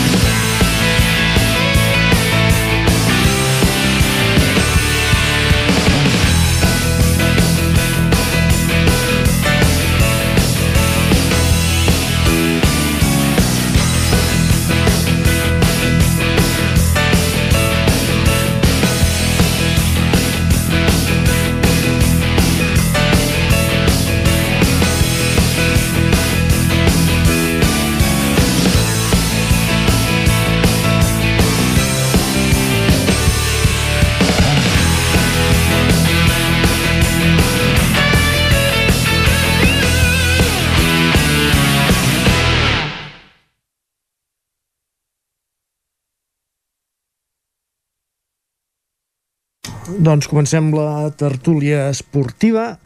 Uh, avui en companyia de l'Isaac Muntades, d'en Lluís de Planell i de l'Agustí Danés, que s'incorporarà en breus moments. Agust, uh, Lluís, l'únic que veig a l'estudi per ara, bon dia, com estàs? Hola, bon dia, molt bé. Benvingut en aquesta tertúlia esportiva, en aquest repàs esportiu del cap de setmana. Eh, podem parlar de moltes coses, del no partit encara del Barça, per tant els deixem pel final. Podem parlar de la victòria del Madrid, ara quan s'incorpori l'Isaac, o podem eh, parlar d'aquest empat in extremis de, de l'Espanyol ahir davant el Betis, un empat que encara va saber a glòria en, en part, no? Sí, mira, en una setmana sí que canvien les coses. En un partit eh, allarguen 10 minuts i, i quan en fa 9 l'Atlètic de Madrid aconsegueix el, el de la victòria i eh, ahir, doncs, eh, que es va perdre segurament més temps que el dia de l'Atlètic de Madrid, l'àrbitre només en va allargar set, però bueno, el temps suficient perquè l'Espanyol marqués el, el gol de l'empat i aconseguís doncs, un, un puntet que en el camp del Betis doncs, no, no deixa de ser un, un resultat eh, diguem, optimista de cara al futur. El partit no va ser massa brillant, en, hi van haver fases diferents, els primers minuts van ser clarament blanc i braus, després el Betis es va, ens va superar amb, amb tot i al final doncs la reacció dels de, de Vicente Moreno doncs, va permetre sumar un, un puntet. Molt bé. Això demostra que els partits acaben quan, quan, quan l'àrbitre xiula, no, no acaben quan, Hola, quan s'esgota el temps reglamentari i això a vegades va a favor, no? com, com ahir en el cas de l'Espanyol i altres van en contra, com la setmana passada contra l'Atlètic de Madrid, però vull dir que a vegades és una d'aquelles, gairebé una ironia no? que la, perquè la setmana passada doncs, molta, molta gent va fer befa del fet aquest, que es va allargar molt que és veritat que es havia allargat molt no? i sembla que aquí hi ha un contuberni i llavors just la, la setmana següent es produeix uh, l'efecte al revés el que no? passa que, que clar, és una norma que és universal aquesta que el partit s'acaba quan l'àrbitre xiula. Però no la gent no va comptar, perquè esclar, i més amb l'experiència de la setmana anterior, la gent no va comptar i es van perdre més minuts ahir, que en van allargar set, que el dia de l'Atlètic de Madrid que en van allargar 10. Vull dir que, està clar, el criteri arbitral amb això tampoc és gaire... Ho fan una, una, una mica ull, aquesta part. Aquí sí que és veritat que, que és curiós, però aquest seria un altre debat, que com en altres esports, tot el tema del temps, i principalment ara penso en el bàsquet, eh, que està hiperregulat, és curiós que en el futbol que s'han anat fent avenços, i el bar és un avenç, per exemple, que aquí no s'hagi pogut acabar d'aconseguir, com diem que es jugui el temps real, o amb el futbol sala, per exemple, no? perquè és un altre, mm -hmm. un altre esport, el futbol sala també està tot molt més, molt més parametritzat. O i el hockey, eh, tots els esports de pista. Sí, la veritat és que sí, que Handball. aquí, eh, en, el, en aquest cas, la pèrdua aquesta de temps, però bueno, deu formar part també, no sé, tampoc ho tinc meditat, eh? deu formar part de, no, però diu de, que sí, de, eh? de la gràcia d'aquest esport, però hi haurà un moment, perquè penso que hi ha, hi ha, hi ha un moment que, que es anirà tendint cap aquí. Jo ja he llegit que no sé si FIFA o UEFA eh, planteja fer partits de 30 minuts amb rellotge parat. Eh, llavors, eh, això seria més just, diguem, des d'aquest punt de vista, perquè aquí no hi ha, no hi ha dubtes. El que passa que, esclar, això amb el futbol professional és relativament fàcil de, de practicar, però, esclar, el camp del, del Borgunyà o de Santa Coloma de no sé què... Sí, o, del, o del Vic o del Manlleu. Eh, sí, bueno, encara, aquestes no. categories, però, però hi ha d'haver, en tot cas, hi ha d'haver un àrbitre més i llavors és difícil, és difícil. Sí, és veritat. De totes maneres, tornant en el, en el partit aquest, penso que el resultat d'ahir, a banda, diguem, de com anés al final amb aquest, amb aquest gol in extremis, té, té valor per, per diverses qüestions. La primera, en el cas de, de l'Espanyol, primer per, per sumar un punt. Un punt eh, fora de casa i després, sobretot, per marcar no? perquè és que és clar al final eh, l'Espanyol aquests els, els dos, tres primers partits doncs eh, li va costar tant veure porteria amb els empats a zero reiterats la derrota eh, a Mallorca, no? I per tant ara sí de dir, bueno, en un partit fer dos gols, doncs penso que potser és un punt d'inflexió que, que hi haurà un abans i un després d'aquest partit sumar i marcar les dues coses. Mira, va passar tot, pot canviar tot. Eh, avui el, el diari La Grada, que suposo que els col·les no ho sabeu, però ja és una publicació, un bisetmanari que, que treu l'Espanyol. Bueno, no, no, és de premsa ibèrica precisament. Eh, i era fins, fins fa quatre dies era del periòdic i l'esport vull dir que la premsa ibèrica ha seguit igual. I diu eh, pot ser una altra entuba Anduba va passar la, la temporada passada que eh, en Nico Melamed va fer eh, l'empat a dos en el minut 93 o 94 i a partir d'aquí es va produir una revifalla amb un equip que havia estat francament malament, que havia començat la temporada francament malament, que guanyava els partits perquè era superior però sense jugar bé. I a partir d'aquí doncs, es va produir una reacció. I ara doncs, tothom espera que amb circumstàncies similars i sens dubte en un camp molt més difícil que el del Mirandés doncs eh, es produeix aquesta reacció que podria produir-se i a més jo diria que és obligatori que es produeixi el, aquest dimecres a dos quarts de vuit contra l'Alaves a, eh, el temple del futbol. De totes maneres, el, el, el, partit d'ahir, i l'Espanyol sí, era el partit de la tarda, però el partit del dia era el del, el del Madrid a, a Mestalla. Per això tenim muntades al telèfon, I que, ja, a més a eh? més, va acabar d'una manera una mica sorprenent, perquè a mi em semblava que, vaja, tal, tal com anava, i amb que el Madrid ho tenia perdut, però noi, hi ha aquest, uh, aquest, aquest, aquest, aquest tram final no? que no, no fluixen, aquests blancs no fluixen tu. No, no, és, és l'aura màgica del Madrid, no?, de no rendir-se fins l'últim minut, i sembla que l'han recuperat, eh?, perquè l'havíem perdut, potser els dos darrers anys no la teníem tan extesa, i en dos partits, el partit de l'Inter que va marcar també l'últim minut, i en aquest, que va fer dos gols en, en cinc minuts, quan, quan estava complicat el partit, el que passa que jo també crec que a partir del gol del València el Madrid va ser millor físicament, se'l veu bastant bé a l'equip, amb les fragilitats defensives que, que evidentment va mostrar i amb jugadors que cometen errors que, no, que són imperdonables com el de Lucas Vázquez que no sé, no sé què estava jugant en aquell moment però futbol, no? Uh, amb, amb aquesta, sí, amb aquesta espaldinya que va fer tan... No sé, no sé en què l'acaba de tocar però als últims minuts, bueno, el Madrid uh, va, va resoldre amb la famosa pegada i, i Benzema pitxitxi de la Lliga amb 6 gols i el tot uh, poderós Vinícius segon pitxitxi de la Lliga.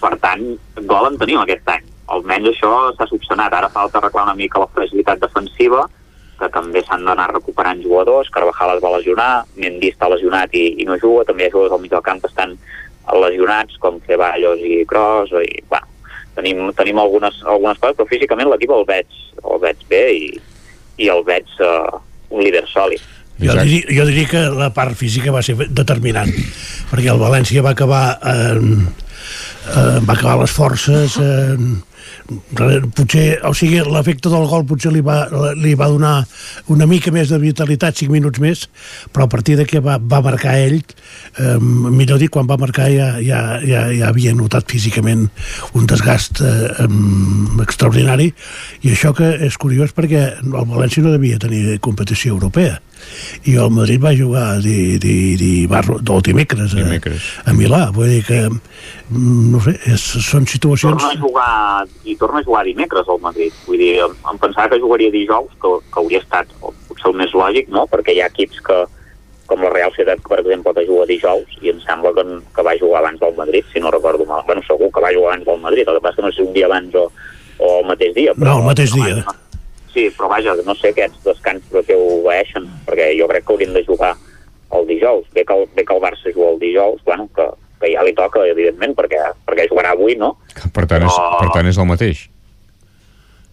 Bueno, vull dir que potser li, al Madrid li tocaria jugar el dijous. No? Però és, el, però és el mateix. Si el Madrid va jugar el diumenge i el, Bar, i juga el dimecres, i el Barça juga el dilluns i juga el dijous, el temps de descans és el mateix. De totes maneres, el, el, aquesta qüestió, jo pensava que això ja, està, ja estava superat, perquè això és de l'època de Mourinho i això són debats que, que ja estan superats, el del descans i el de les mans negres i el de... València ahir, no?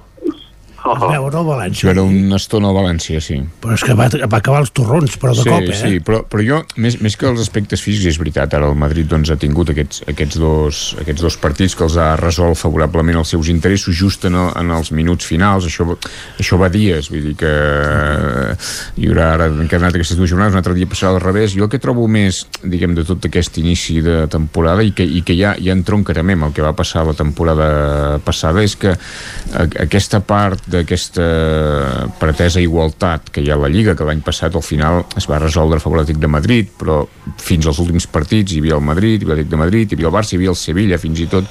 Vull dir que aquesta pretesa igualtat el que amaga és una gran mediocritat de, de, de la Lliga. Vull dir que eh, aquell equip, aquells equips tan, tan potents, i això val principalment pel Barça i el Madrid, diguem que resolien eh, els partits amb una autoritat gairebé insultant, no? que sortien i, i, i a l'època doncs, de, de, Cristiano Messi, no? d'aquella competició, eh, això ha desaparegut. Vull dir, el, el, el Madrid com el Barça jo crec que tenen equips eh, justets, amb una columna vertebral, en el cas del Madrid encara potser més envellida, un, re un relleu generacional que el volem veure però que no arriba, i jugadors amb els quals hi havia dipositades moltes esperances que mai acaben d'explotar i ja no ho faran i penso per exemple amb, amb, amb, amb l'Asensio i, i, i pel Barça igual, no? el Barça al final eh, avui segurament doncs, faran una alineació amb joves de, de, de 17-18 anys que, que, està, que està bé que està bé,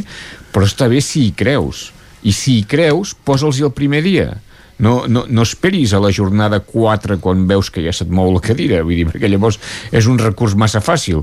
Eh, en Guardiola, això tu ho recordaràs com jo l'any no sé quin era, el 2007 o el 2008 quan ell arriba el primer dia i posa en Busquets i posa en Pedro i venien de tercera divisió.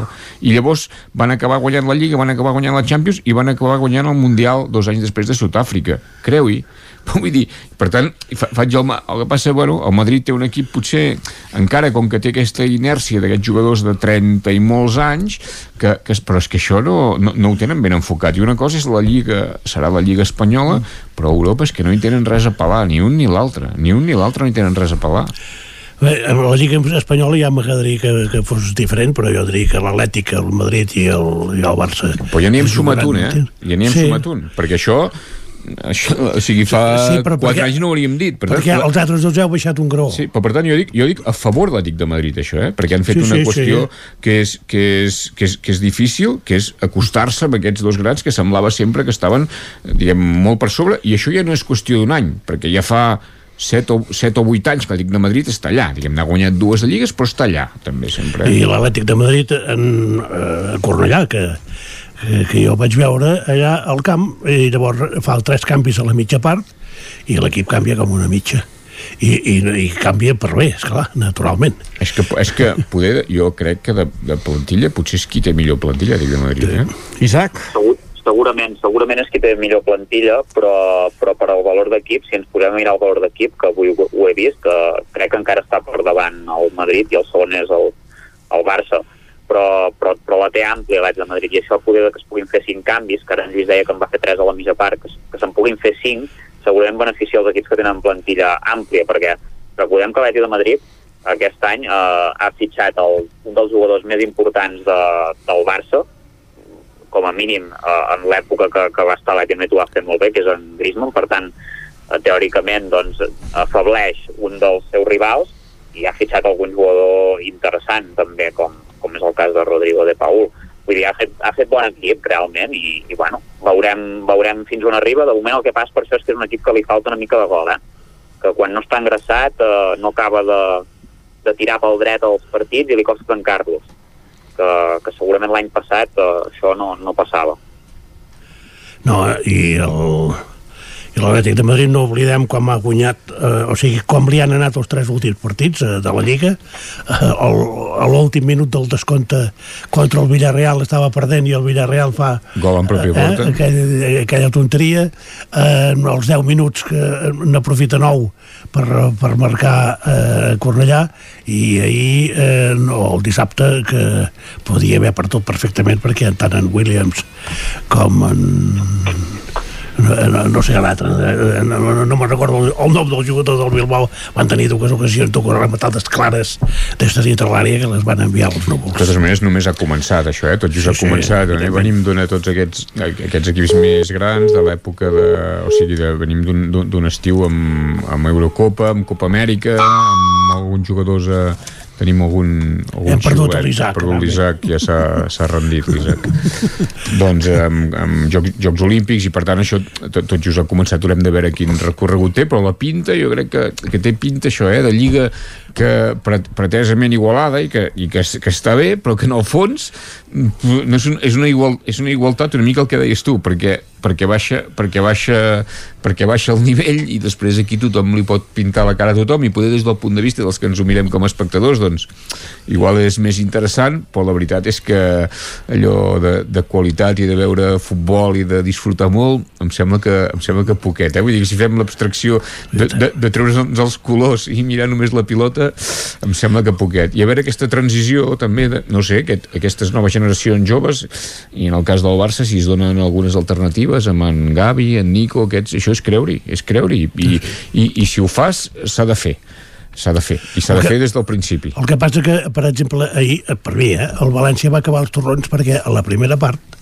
sobretot en la primera mitja de la primera part, va pressionar en, en el Madrid d'una manera eh, extraordinària. O sigui, el, el, el, van obligar en Courtois a enviar pilotes llargues perquè no podien sortir.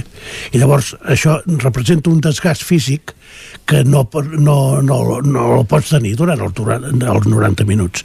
I eh, per mi aquesta és la, la causa que en primer lloc el Madrid, sí, a la primera part no, no pot fer pràcticament res, però a la segona eh, li deixes eh, tota la iniciativa i si el Madrid té la iniciativa i pot penjar pilotes i pot escostar-se a l'àrea, és fàcil que et faci dos gols i si no hagués necessitat tres, potser també els hauria fet. Ja. I llavors, vull dir que és una manera d'actuar per part dels entrenadors que no l'entenc gaire, perquè els partits, eh, com deies, eh, duren 90 minuts i no s'acaben fins que l'àrbitre xiula.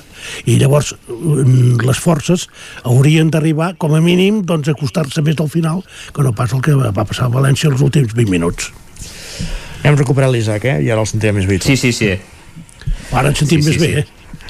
Sí, sí, sí, sí, sí. No, és que aquí, clar, a emissores petites hem de compartir moments i, i ja hi havia una altra cosa que s'havia de fer.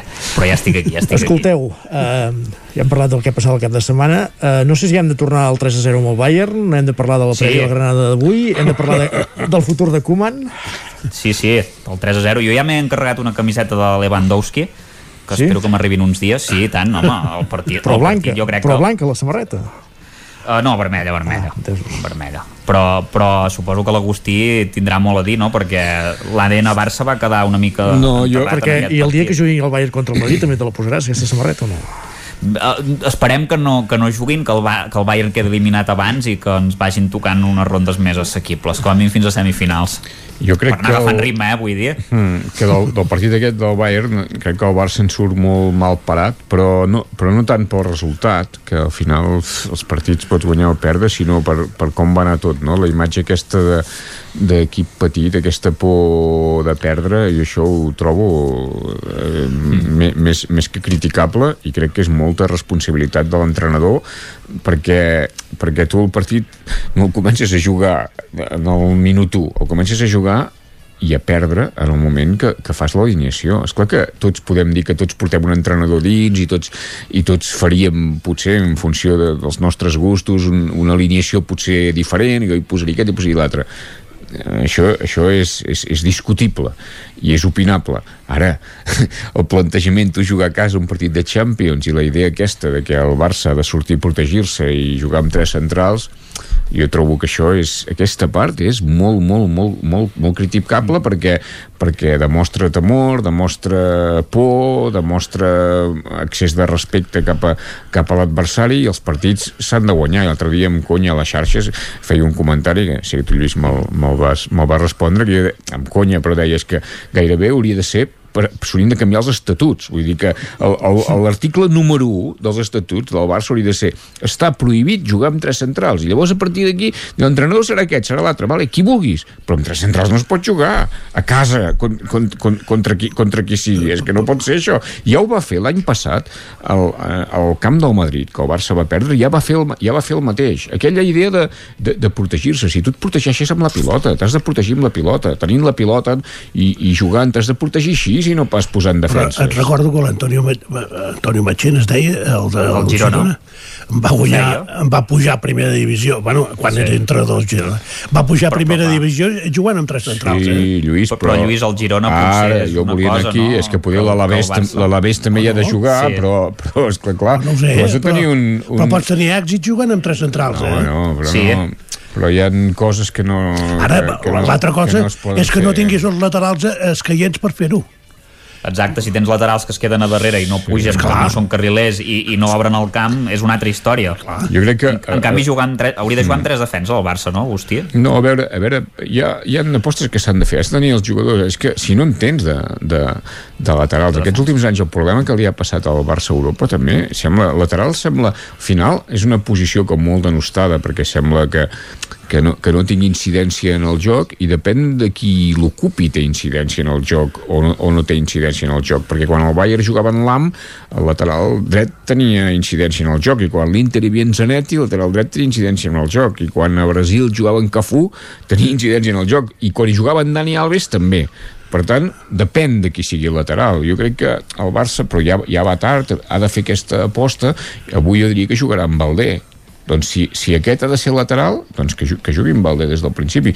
Però els plantejaments no, no poden ser. Jo això ho trobo, la veritat, que per part de l'entrenador molt, molt criticable i, i és un entrenador que jo quan el sento a, a la sala de premsa m'agrada aquesta part de, de sinceritat, de no de, de, de no amagar-se, de no escórrer el bulto, aquesta part m'agrada però després crec que amb aquest any llarg ja que, que porta la banqueta no, no incideix en els partits els canvis que fa mm, mai, mai canvien mai canvien el partit, més aviat sovint l'empitjoren i un tipus de canvis a vegades polítics gairebé, no? Vull dir que l'altre dia quan mm. perds 3 a 0 llavors posa jugadors de 17 anys com per poder dir, bueno, hem donat l'alternativa això no és donar l'alternativa, quan perds 3 a 0 això no és donar l'alternativa i crec que és un, que és un entrenador que té crèdit sentimental per la gent del Barça, perquè és l'entrenador de la primera Copa d'Europa, com, com a jugador, perquè va fer el gol en Pagliu, que té crèdit sentimental, però és que crèdit futbolístic no en té cap.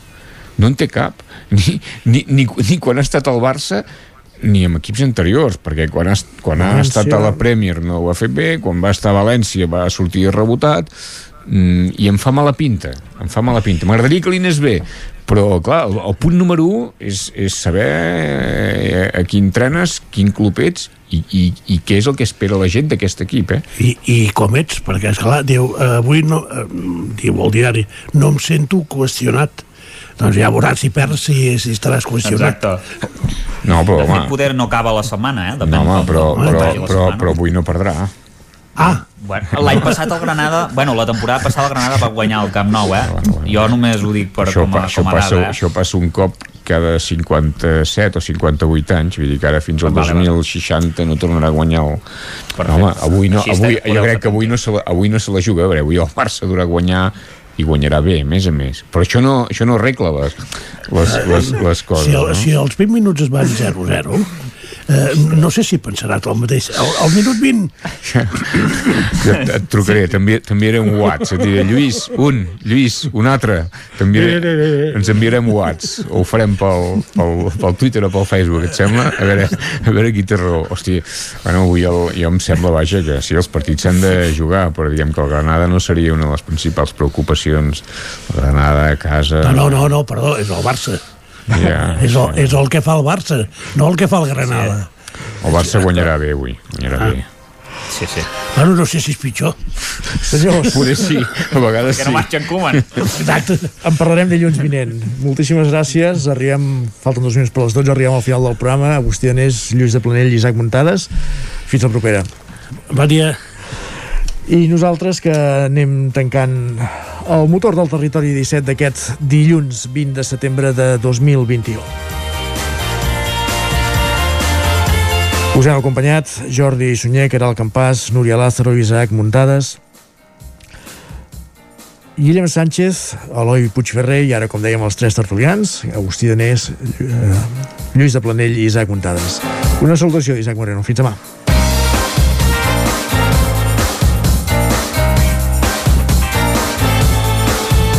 Territori 17, un magazín del nou FM. La veu de Sant Joan Ona Codinenca i Ràdio Cardedeu amb el suport de la xarxa. El nou FM.